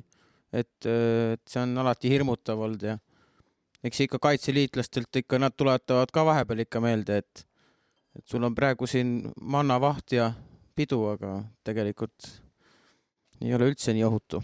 veel üks asi, mis noh, noorte puhul praegu näiteks on mul teinekord teeb muret, aga siiski hirmsasti ka ei tee. suuresti on ikka asi korras, on olemas niisugune psühholoogiline nähtus, mille nimi on rahvuslikud psühholoogilised traumad. ja need on kuskil sügaval sees elavad äh, isalt pojale, emalt tütrele, võivad elada aastasadu ja see on siis mingisugune šokk, mis elati läbi võib-olla kauges minevikus, nagu näiteks Kosovo poole tuhat kolmsada kaheksakümmend üheksa, eks ole, kui serblased kaotasid iseseisvuse türklastele. see on nüüd siis äh, kuussada enne aastat tagasi. Tänase päevani, oktoobrikuus saavad nad kokku, neil on oma laulud, värgid. Holodomor, holokaust, mitte kunagi ei unune nii kaua, kui ükski juut elus on, eks ole, ja see mõjutab ja näiteks selliste mm, oluliste rahvuslike traumade ka kunstiline elus hoidmine, nagu näiteks meil on küüditamine selge. ja meil on neid, kes ütlevad, ah, see oli nii ammu, unustage ära. ei ole. Tähendab, kõikide selliste traumade elus hoidmine tagab, et nende kordumise tõenäosus muutub väiksemaks. seepärast sa oskad midagi karta Äh, see oli väga suur õnnetus tuhat üheksasada kolmkümmend üheksa, nelikümmend, kui Eesti oli olnud kakskümmend aastat iseseisev ja hästi väike inimeste hulk oli need, kes olid kakskümmend aastat elanud iseseisvas Eestis, riik arenes nagu kiiresti, oli aga noh, nii-öelda Pätsi aeg ei andnud vabale sõnale, millest me siin täna räägime, võimalust ja seetõttu valdav enamik inimesi oli ilma hirmuta. kuni selle hetkeni praktiliselt, kui baasid sisse tulid ja kus oli juba ilm, hilja. ma olen seda nii palju uurinud, nii paljude inimestega rääkinud ja olen, väidan, et, et näiteks äh, Eesti vajab suurt mm, suurt eepilist äh, äh, filmidokumenti, näiteks küüditamist äh,. eepilist äh,, sellist tõeliselt kallist äh,, mis muutuks noorele põlvkonnale noh, nii-öelda teatud, teatud märgilise tähendusega asjaks, et kui noored on ära näinud ja ka see on ainult üks et nii, selliseid asju peab kindlasti tegema kogu aeg ja kogu aeg. Räägitakse ka, et äh, ei maksa liiga palju hirmu külvata, et ei ole hea, kui ühiskond väga palju kardab, et see, see halvab, see, see teeb haigeks.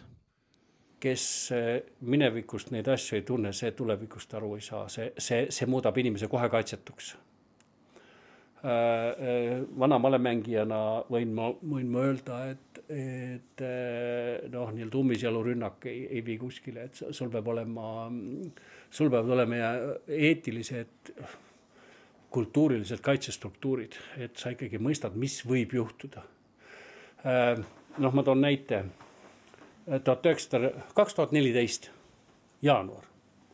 Eestis oli sel hetkel äh, kaks äh, poliitilist parteid, kes rääkisid, et rahva elu on õudselt raske, noh ja seetõttu kaitse-eelarve tuleks laiali jagada noh, sotsiaalseteks vajadusteks, siin pensionärid on raske, teistel on ka kõikidel, kõikidel on raske ilmselt.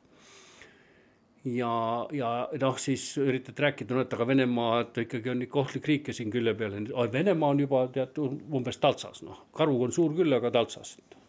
et temaga ei juhtu midagi. kuu aja pärast algasid sündmused Ukrainas.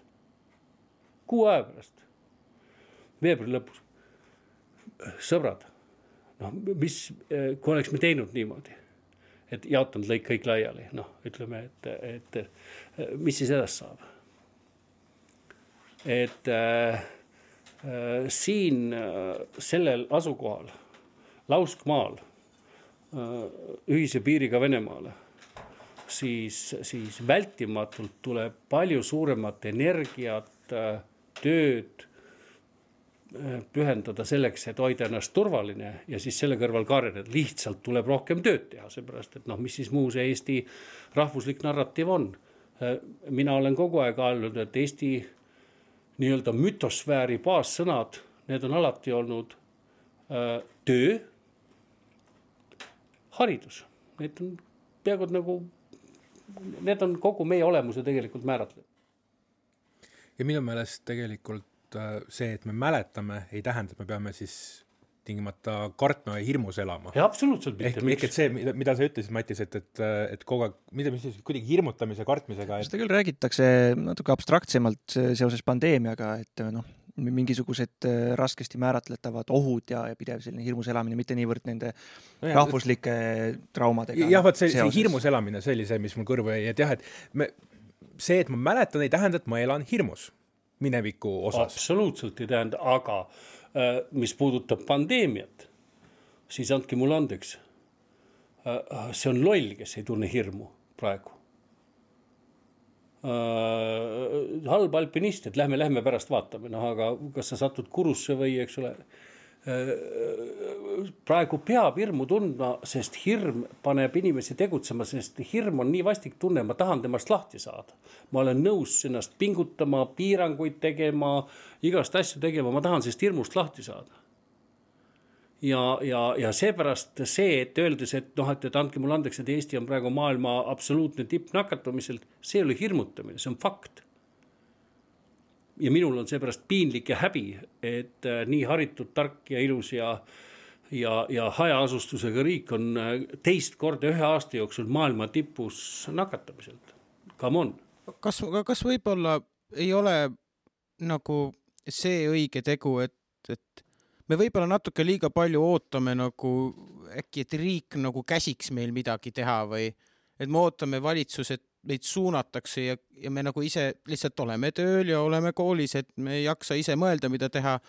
Ja oleme siukse nagu iseseisvuse baasteadmise, nüüd, kus on see uus, ma õppisin ka täna uue sõna, see on etnose hoidmine, see on, see on väga hea, et see nagu meenutab mulle veits nagu seda Ronald Reagani aegset poliitkampaaniat Self-Reliance, et, et sina saad riiki hoida üleval, eks ju, iseenda iseseisvana hoidmisega natukene mõlemad asjad mööda, aga võib-olla äkki kas ei ole natuke nagu sama asi praegu, et selle asemel, et oodata hullult riigilt midagi kogu aeg, et nemad ütleks, kuhu minna, kust lugeda, mida täpselt teha, loota mingisugustele gruppidele või siis loota mingisugustele parteidele, mis rohkem sinu ideoloogiaga sama on, on pigem ainult mõelda selle peale, kuidas mina ise saan teha oma asjad, kus ma saan ise otseallikast oma info, kus ma saan ise otseallikast oma toidu, otseallikast oma vajadused. no jumala õige küsimus ja äh, sa ilmselt tabasid põhimõtteliselt hästi naelapea pihta praegu meie võib-olla kõige suuremat probleemi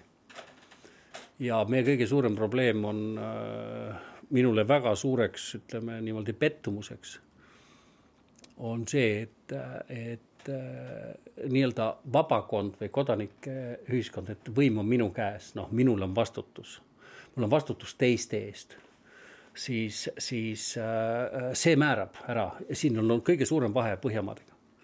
seal paukselt äh, vaktsineeris ennast kaheksakümmend protsenti seepärast, et tal on vastutus teise inimese ees. eks.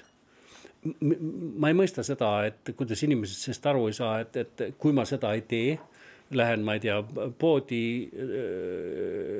kooli või kuskile ja nakatan seal ja osa nendest sureb. Mis õiguse mul on öö, otsustada teise inimese elu ja surma üle, seepärast et mul on mingi mõte. noh, ettekujutus, ma olen hästi põhjalikult üritanud praegu vestelda terve rea nii-öelda antivakseritega ja olen proovinud aru saada, et mis neid juhib ja mis mõtted ja hämmastav oli siis lõpuks see, et et kui ma aru sain, et nendega vesteldes mitte üheski punktis, mitte kunagi, mitte keegi neist ei tarvitanud kordagi sõna meie. Nad eranditult rääkisid mina, minu probleem, ma olen veendunud, et ma tugevdan oma immuunsüsteemi, ma teen seda, teist ja kolm. Nad, nad, nende jaoks nagu teisi inimesi ümberringi ei olnud. ja see erakordselt vastik kogemus, et, et see on praegu väga levinud, teeb mind väga murelikuks, eks. et selle nii-öelda meie ettekujutuse tugevnemine, et mul on vastutus oma küla, oma valla, oma perekonna ja, ja naabri ees. Siis, siis et, et et ma pean ikkagi nende peale mõtlema, et nad ei haigestuks või mina neile midagi edasi ei annaks või nii edasi, siis, siis pandeemia ajal see äh, Eesti nii-öelda kodanikeühiskonna nõrkus on väga selgelt välja tulnud. ja ma arvan, see on meie lähituleviku üks jõuline probleem, väga õigesti tabasid ära.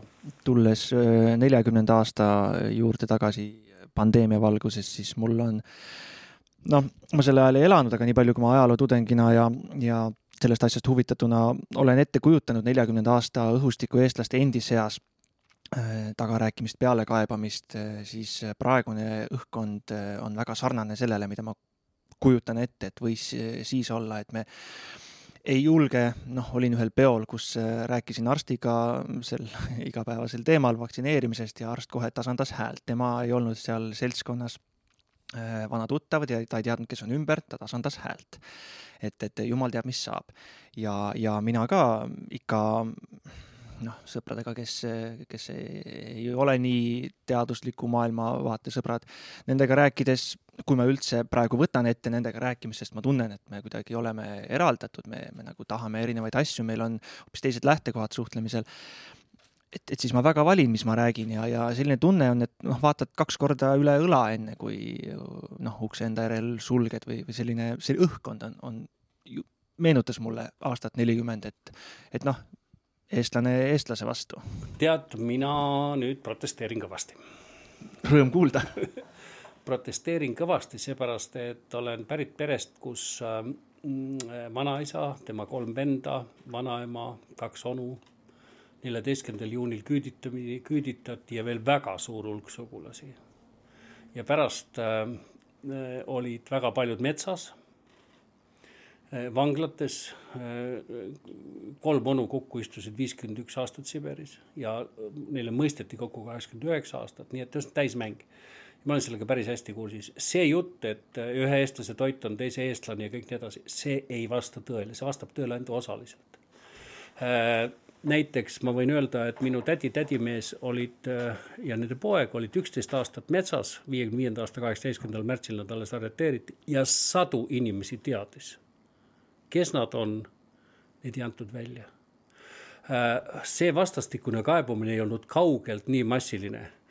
selle müüdi see eestlase toit, teine eestlane lõi kuuekümne kuuks oli kuuekümne kuuenda aasta artikkel, artiklis Loomingus Gustav Naan. Ja see noh, kõlas väga ilusasti ja väga paljudele see meeldib Äh, või siis noh, tõelise eestlase kombes, ei ole midagi sellist olemas. ma arvan, et Eesti on ajalooliselt olnud väga kollektiivne ja ühine riik.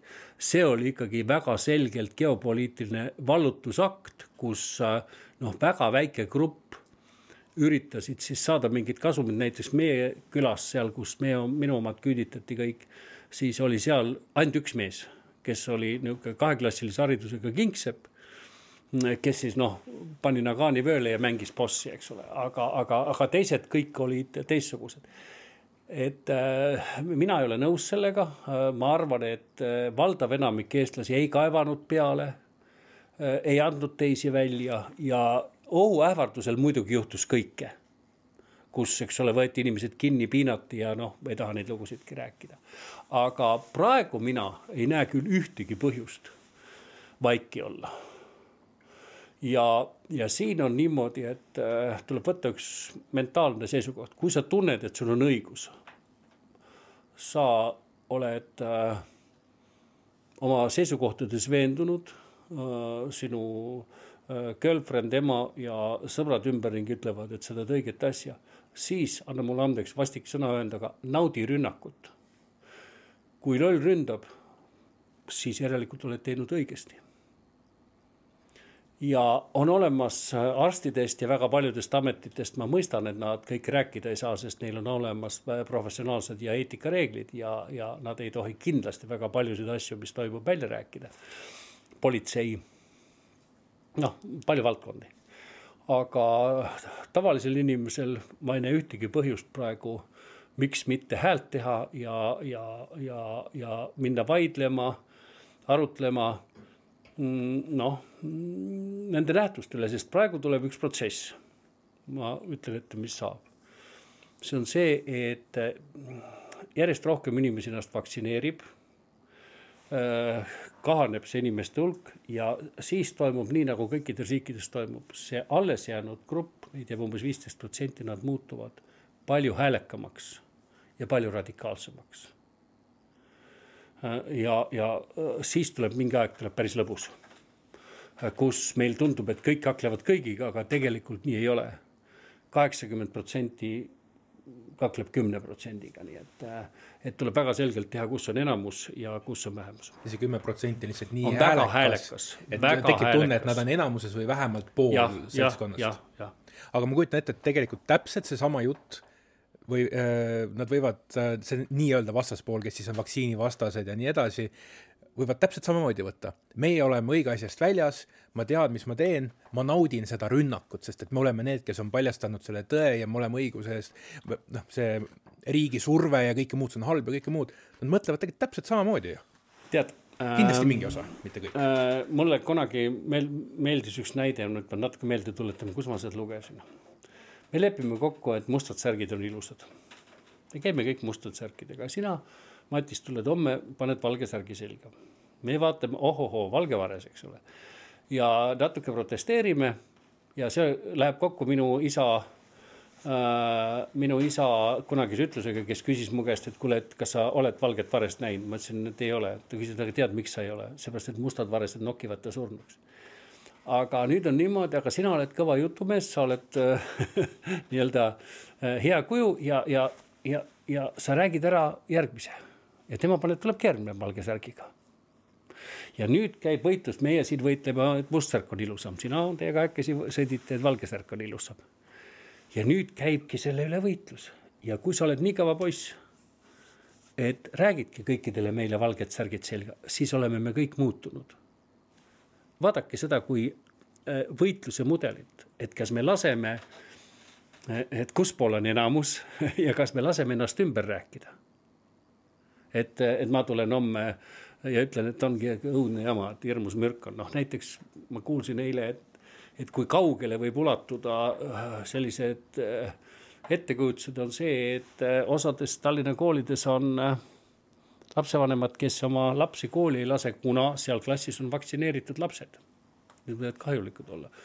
me oleme jõudnud päris kaugele me oleme palju rääkinud äh, gruppide tekkimisest ja sellest, kuidas äh, paljudel inimestel on erinevatel põhjustel vaja tugevdada enda jaoks seda grupi identiteeti ja ja kuidas on oluline teiste gruppide arvamusi endale ikkagi nagu ellu kaasa tuua, et vältida ise väga sellist kapseldumist, aga aga kuidas võiksime saada paljude väikeste gruppide asemel rohkem üheks suureks grupiks, kas selleks on tõesti vaja välist vaenlast ja kas siis koroona ei ole piisav väline vaenlane?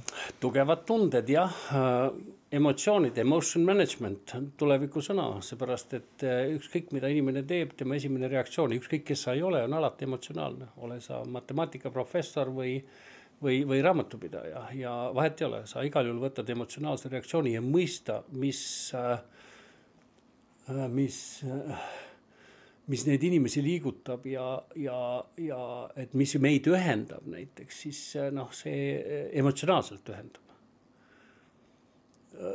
see loobki väga tihti inimeste ühiste arvamuste välja, loob ühine hirm, ühine mure. ja ühte asja me peame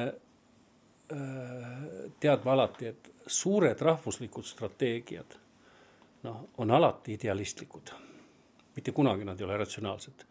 viissada ja kuidas see oli, oota ühel Ameerika presidendil oli kunagi loosung äh, sada, sada eurot rahakotti, rasvane kana äh, köögis potti või midagi sellist noh, siis, siis sellega võib, noh, on mingit äh, udu ajada materiaalsusega, aga, aga Äh, rahvuslikud kaitsestrateegiad on alati idealistlikud ja alati tehtud sõnadega või siis muusikaga, vahet ei ole, noh, tekstidega piltlikult öeldes. Äh, ja väikestest gruppidest moodustavadki need, see suur ideoloogia. Äh, näiteks seesama, nagu sa ütlesid, et õppisid ära sõna etnos, see meie, siis kõva energeetikaga ja kõva tahtejõuga inimesed moodustavadki etnose. sa võid hakata moodustama homme ma ei tea, kalapüüdjate seltsi või siis äh, džässimuusikaringi ja, ja alguses on teid neli ja siis on kakskümmend neli ja siis on kaheksakümmend neli. sa lood äh, põhimõtted, miks te käitute, loo, lood, ma ei tea, muusikalood, hümni, lood riietuse, lood nii edasi, meeletult kulutad energiat, aga siis oled sa moodustanud võib-olla väga tugeva grupi, eks. nii toimuvad laulukoorid, nii toimuvad, et vahet ei ole, mida sa teed aga peaasi, et te teete midagi ühise väärtussüsteemiga koos, eks. nii, nii toimibki kodanikuühiskond. kõige keerulisemad on inimesed, kes ei ole ühendatud gruppidesse. seepärast, et noh, neil on hästi, neil tekib hästi palju huvitavaid mõtteid interneti baasil. ja siis pärast ära imesta nii et siis eh, etnosest olulisem, isegi rahvuse tähenduses etnosest olulisem on, eh, on, on mis tahes grupp, kuni see toetub enam-vähem kuidagigi kümnele käsule? kas ta võib olla kümme käsku, aga mingit põhimõtteliselt ideoloogiale, jah. mina olen alati öelnud, et, et kui, et mina võin paljust asju toetada, kui ta ei lähe vastuollu eetika, terve mõistuse kümne käsule ja põhiseadusele, siis mulle meeldib see põhiseadus. just, just nagu rahvuste ja rahvusriikide ja, ja nende rahvuslike just. müütide ja selle valguses mind nagu see huvitab, et, et kui, on... kui kaugele me siin globaliseerumises nagu jõuame. mina selle... näiteks, see globaliseerumine võib olla maru tore asi majanduslikus mõttes, aga kultuurilises, rahvuslikus, märgilises äh, mõttes noh, ei tule üldse kõne allagi, noh, miks meid siia loodud on, me oleme, me oleme loodud äh, siia äh, maailma, et kaitsta äh, Eesti rahvuslikku kultuurilist märgisüsteemi, meie sümbolmaailm. see on meie absoluutne primaarne roll. muidu võime me olla ükskõik kes, ma ei tea. aga seda täna kaks tuhat aastat tagasi siinsamas meie asukoha peal olnud mõtlesid kindlasti teistmoodi, miks nad siia loodud on, täpselt samamoodi kolmesaja aasta pärast võib-olla mõeldakse, et me oleme loodud siia seda ühtset äh, planeet Maa kultuuriruumi kaitsma äh, absoluutselt, ma pigem arvan, et see võib tulla ka kiiremini, seepärast et äh, muud mõtted, sest ma ikkagi usun, et äh,, et äh, kliimamuutus on äh, mitte udu, vaid ääretult reaalne asi. ja, ja arvestades minu vanust, võib-olla ma suurtest jamadest pääsen, aga teie ei pruugi pääseda. Ehk äh, see tähendab seda, et sellega tuleb tegeleda kiiresti, põhjalikult ja, ja kuna selle kliimamuutusega võitlemine, võib-olla see ei aita, ma ei tea, aga selle võitlemine on ikkagi noh, nii-öelda teie põlvkonna jaoks, siis ma usun, et, et see hakkab üsna varsti mõjutama meie elu, meie poliitikat, meie tuleviku vaatamisi. Sest, sest noored vältimatult tõusevad üles, sest nad võitlevad selle maailma eest, mis, mis, mis tuleb aastal kaks tuhat viiskümmend, kuuskümmend ja seitsekümmend. see on tõsine asi ma põikan tagasi, kas me siis võime Eesti riikluse eh, ja demokraatia poole hoidmist pidada nagu olulisemaks Eesti rahvuse või rahvusluse eh, ideest? Sest ähm, Eesti rahvusel ei ole ju ainuomane need eetilised äh, normid. no põhi, mina olen täna veel, ütleme, võib-olla ma olen nii vana, et äkki ei saa pihta, aga ma siiski arvan, et põhiseaduse preambul, mis räägib ka keelest. see on seal küll kirjas. jah, see on seal aga esimese vabariigi ajal oli, oli Eesti riik ikkagi ju, tunnustas äh, noh, oma kultuurid olid siin ju juutidel ja aga miks neid ei või praegu olla, ma ei näe ühtegi põhjust ja nad kõik ongi siin. aga kas Nõukogude võimu mõju ei ole selle pream-, noh, Eero võttis setokeelse Eesti põhiseaduse kätte et, et, et see preambul on, on niivõrd, mulle tundub sellise valuliku reaktsioonina Nõukogude okupatsioonile eh, tekkinud ja me oleme seetõttu nagu ära kaotanud selle esimese vabariigi aegse idee, et meil võiks olla siin toimiv demokraatlik vaba ühiskond ja just vaba sellest eh, eestlase rahvuslikust eh, traagikast, mis kahekümnenda sajandi keskel mina siis, pean toimus. paraku tunnistama, et jätke mulle minu hallid juuksed ja minu vanus ja, ja minu põhimõtted ja nende põhimõtete hulka käib absoluutselt selgelt Eesti riigi, eesti keele ja eesti rahvuse säilitamine ja meie kultuuri säilitamine nii kaua kui võimalik. Nad on suuresti muidugi lahutamatud ka sellest äh, demokraatlikust. Äh, absoluutselt ja, ja ma ei näe ühtegi põhjust, äh, mikspärast see ei, ei saa olla kõik suurepäraselt seotud demokraatliku riigikorraga, demokraatliku põhimõteta. meile on hullult vedanud, et meie kõrval on siiski Põhjamaad kes on näidanud selle, selle arenguteid ja, ja me saame hästi palju sealt õppida ja, ja, ja lisada juurde midagi sellist, sest noh, andetumad me kindlasti ei ole. lihtsalt võib-olla minu südant panebki valutama see, et teatud poliitilised jõud kaaperdavad selle preambuli idee, aga hoiavadki seda rahvuslust lahus siis noh, õigusriigist ja demokraatia põhimõtetest, mille pärast mulle see esimene vabariik tundub võib-olla progressiivsem oma lähenemises, et et, et noh, number üks on, on, on vaba demokraatlik keskkond, kus me saame ühiskonna, inimeste ja kultuurrahvana areneda, aga, aga me ei, me ei saa seda hoida elus ja seda arendada, kui me vaatame mööda sellest, kes me oleme, mis keeles me räägime ja, ja milline on meie identiteet kultuuriliselt. põrgus see poliitika äh,, identiteet ja enesetunne on tähtsamad asjad, et äh, jah, meil on praegu tulnud juhtumeid, kus äh, toimub äh, poliitiliste erakondade mingi käes mingi oluliste väärtuste kaaperdamine. aga äh, noh, kui on kaaperdatud, tuleb tagasi võtta. see ongi võitluse olemus see ja ma tegelikult natuke on olnud nagu paar, paar, paar nagu hetke jällegist pean natuke tunnistama äh, halbu asju, et ka mina olen ühel hetkel mõelnud, kaua see Heinz Valgi see ükskord me võidame niikuinii, et mul kõrvad juba valutavad sellest, eks ju, onju, mingil hetkel, aga see tähendab, et see on mulle kohale jõudnud ja teine on hetk, mis on selle kaaperdamisega on juhtunud, et on olnud periood elus, kus ma ei vaata enam lipu poole üldse enam, ei võta nagu mütsi ära et on nii kaaperdatud, et on kadunud, kadunud lugupidamine äh, mingil määral, mis on minu arust nagu tegelikult ohtlik ja mille pärast ma tundnud küll süüd, aga samal ajal ma arvan, et inimesed, kes tunnevad vahepeal niimoodi, et see kaaperdamine, mis on olnud nii julm, on mõjunud mingile osale rahvast kohe niimoodi, et et ei ole hea lipu all seista enam. No äh, ma olen ikkagi sügavalt veendunud, et see on ajutine tunne.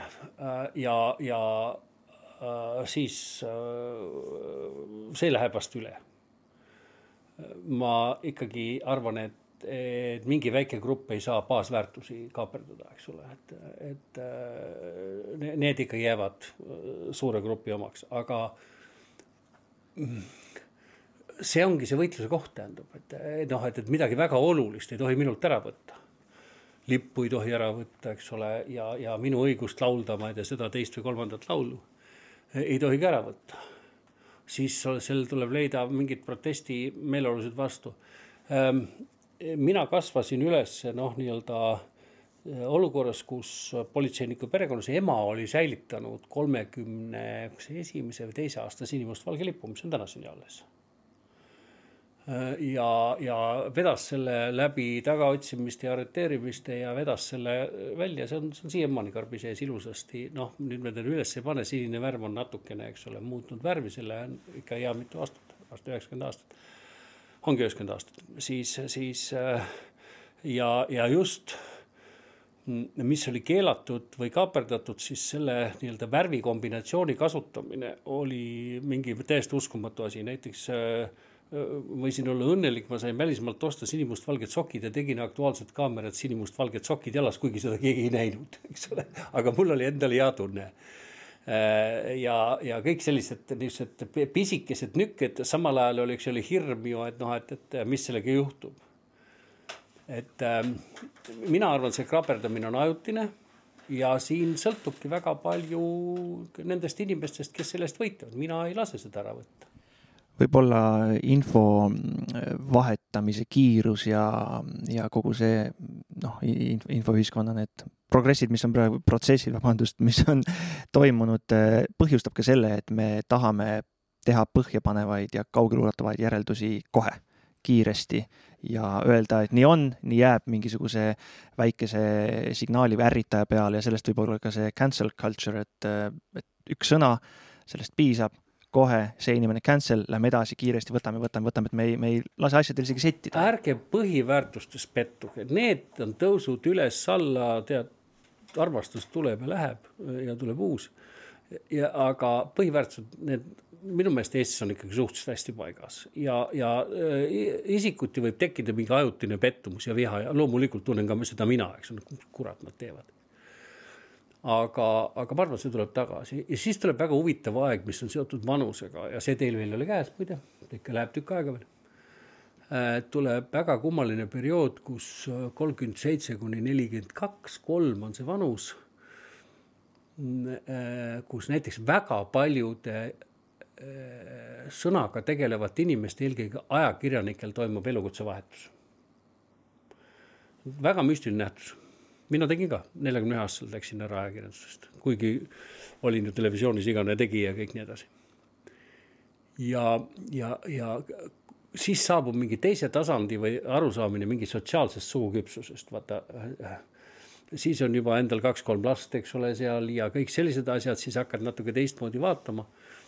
ja, ja siis tahaks nagu ise rohkem teha ja siis äh, hakkab võib-olla selline noh, nii-öelda vot nendesama kodanikuühiskonna organisatsioonide väikeste asjade tegemine hakkab siis nagu rohkem pihta, nii et, et alguses äh, äh, nooruses on vaja kõigepealt leida sõber, eks ole, siis tuleb leida naine või mees äh,. siis tuleb noh, nii-öelda lahendada mingit tohutu hulk probleeme ja aga, aga selles, siis algab tulema jälle mingi teine elu, mis on jällegi huvitav elu ja nüüd nende gruppide vahelistest arusaamide tasandamisel, noh, kunagi öelda, et, et noorus on raisus või et vanad on ikka täitsa lolliks läinud, eks ju, siis seda kunagi ei ole.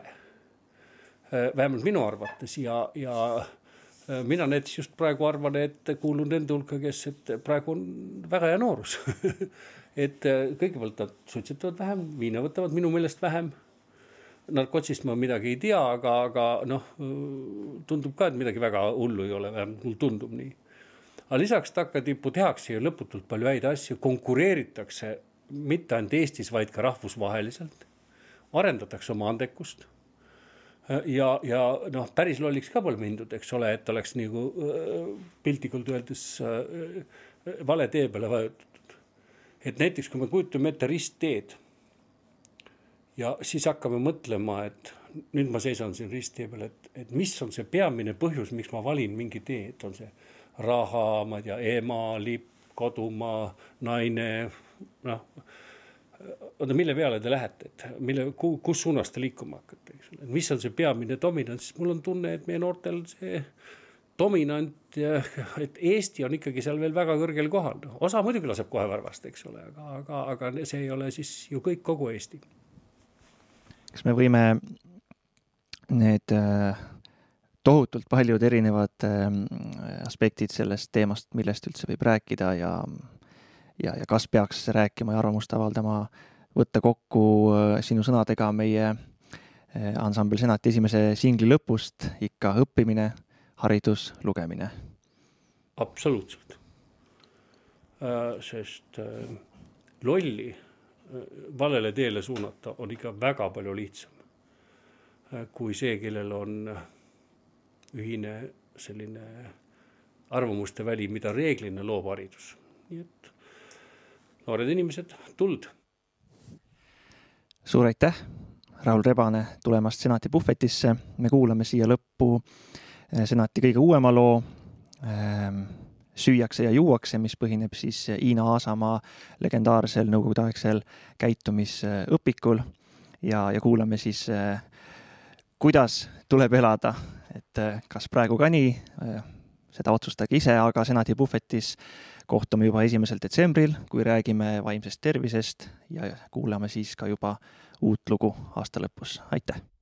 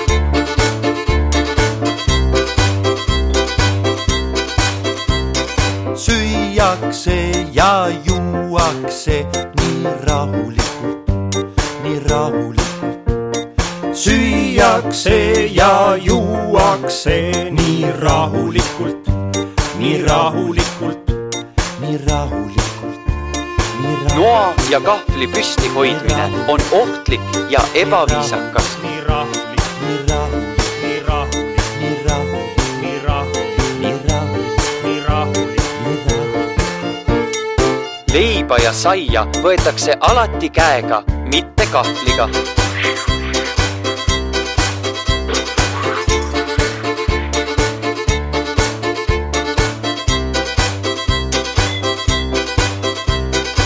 ei sobi süüa supelkostüümis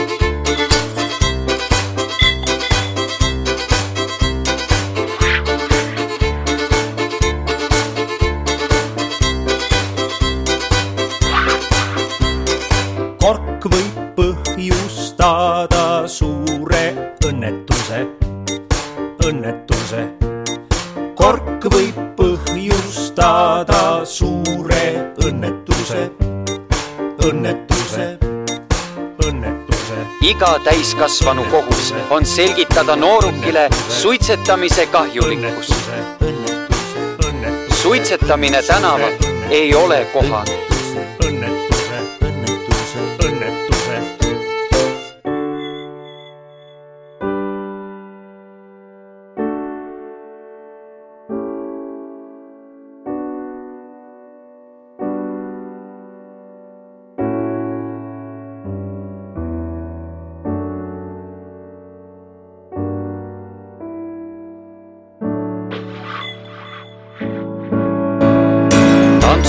inetuim nähtus on joobnud inimesed.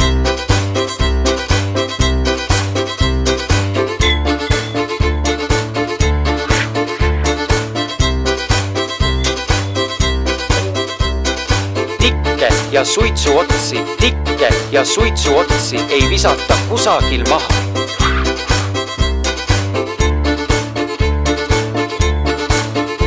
ei sobi seista nagu küsimärk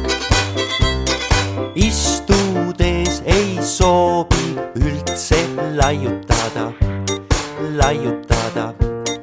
istudes ei soovi üldse laiutada, laiutada. külla ei minda hommikul vara ja hilja õhtul. laiutada, laiutada, laiutada, ei ole ilus naeruvääristada võõraid tavasid.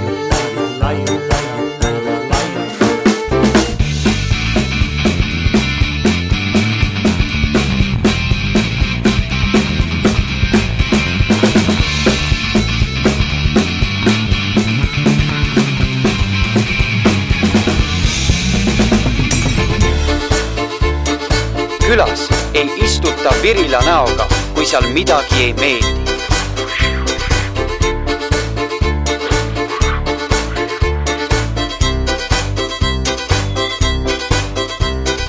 noormehed tõusevad püsti, kui nad tervitavad mööduvaid naistuttavaid.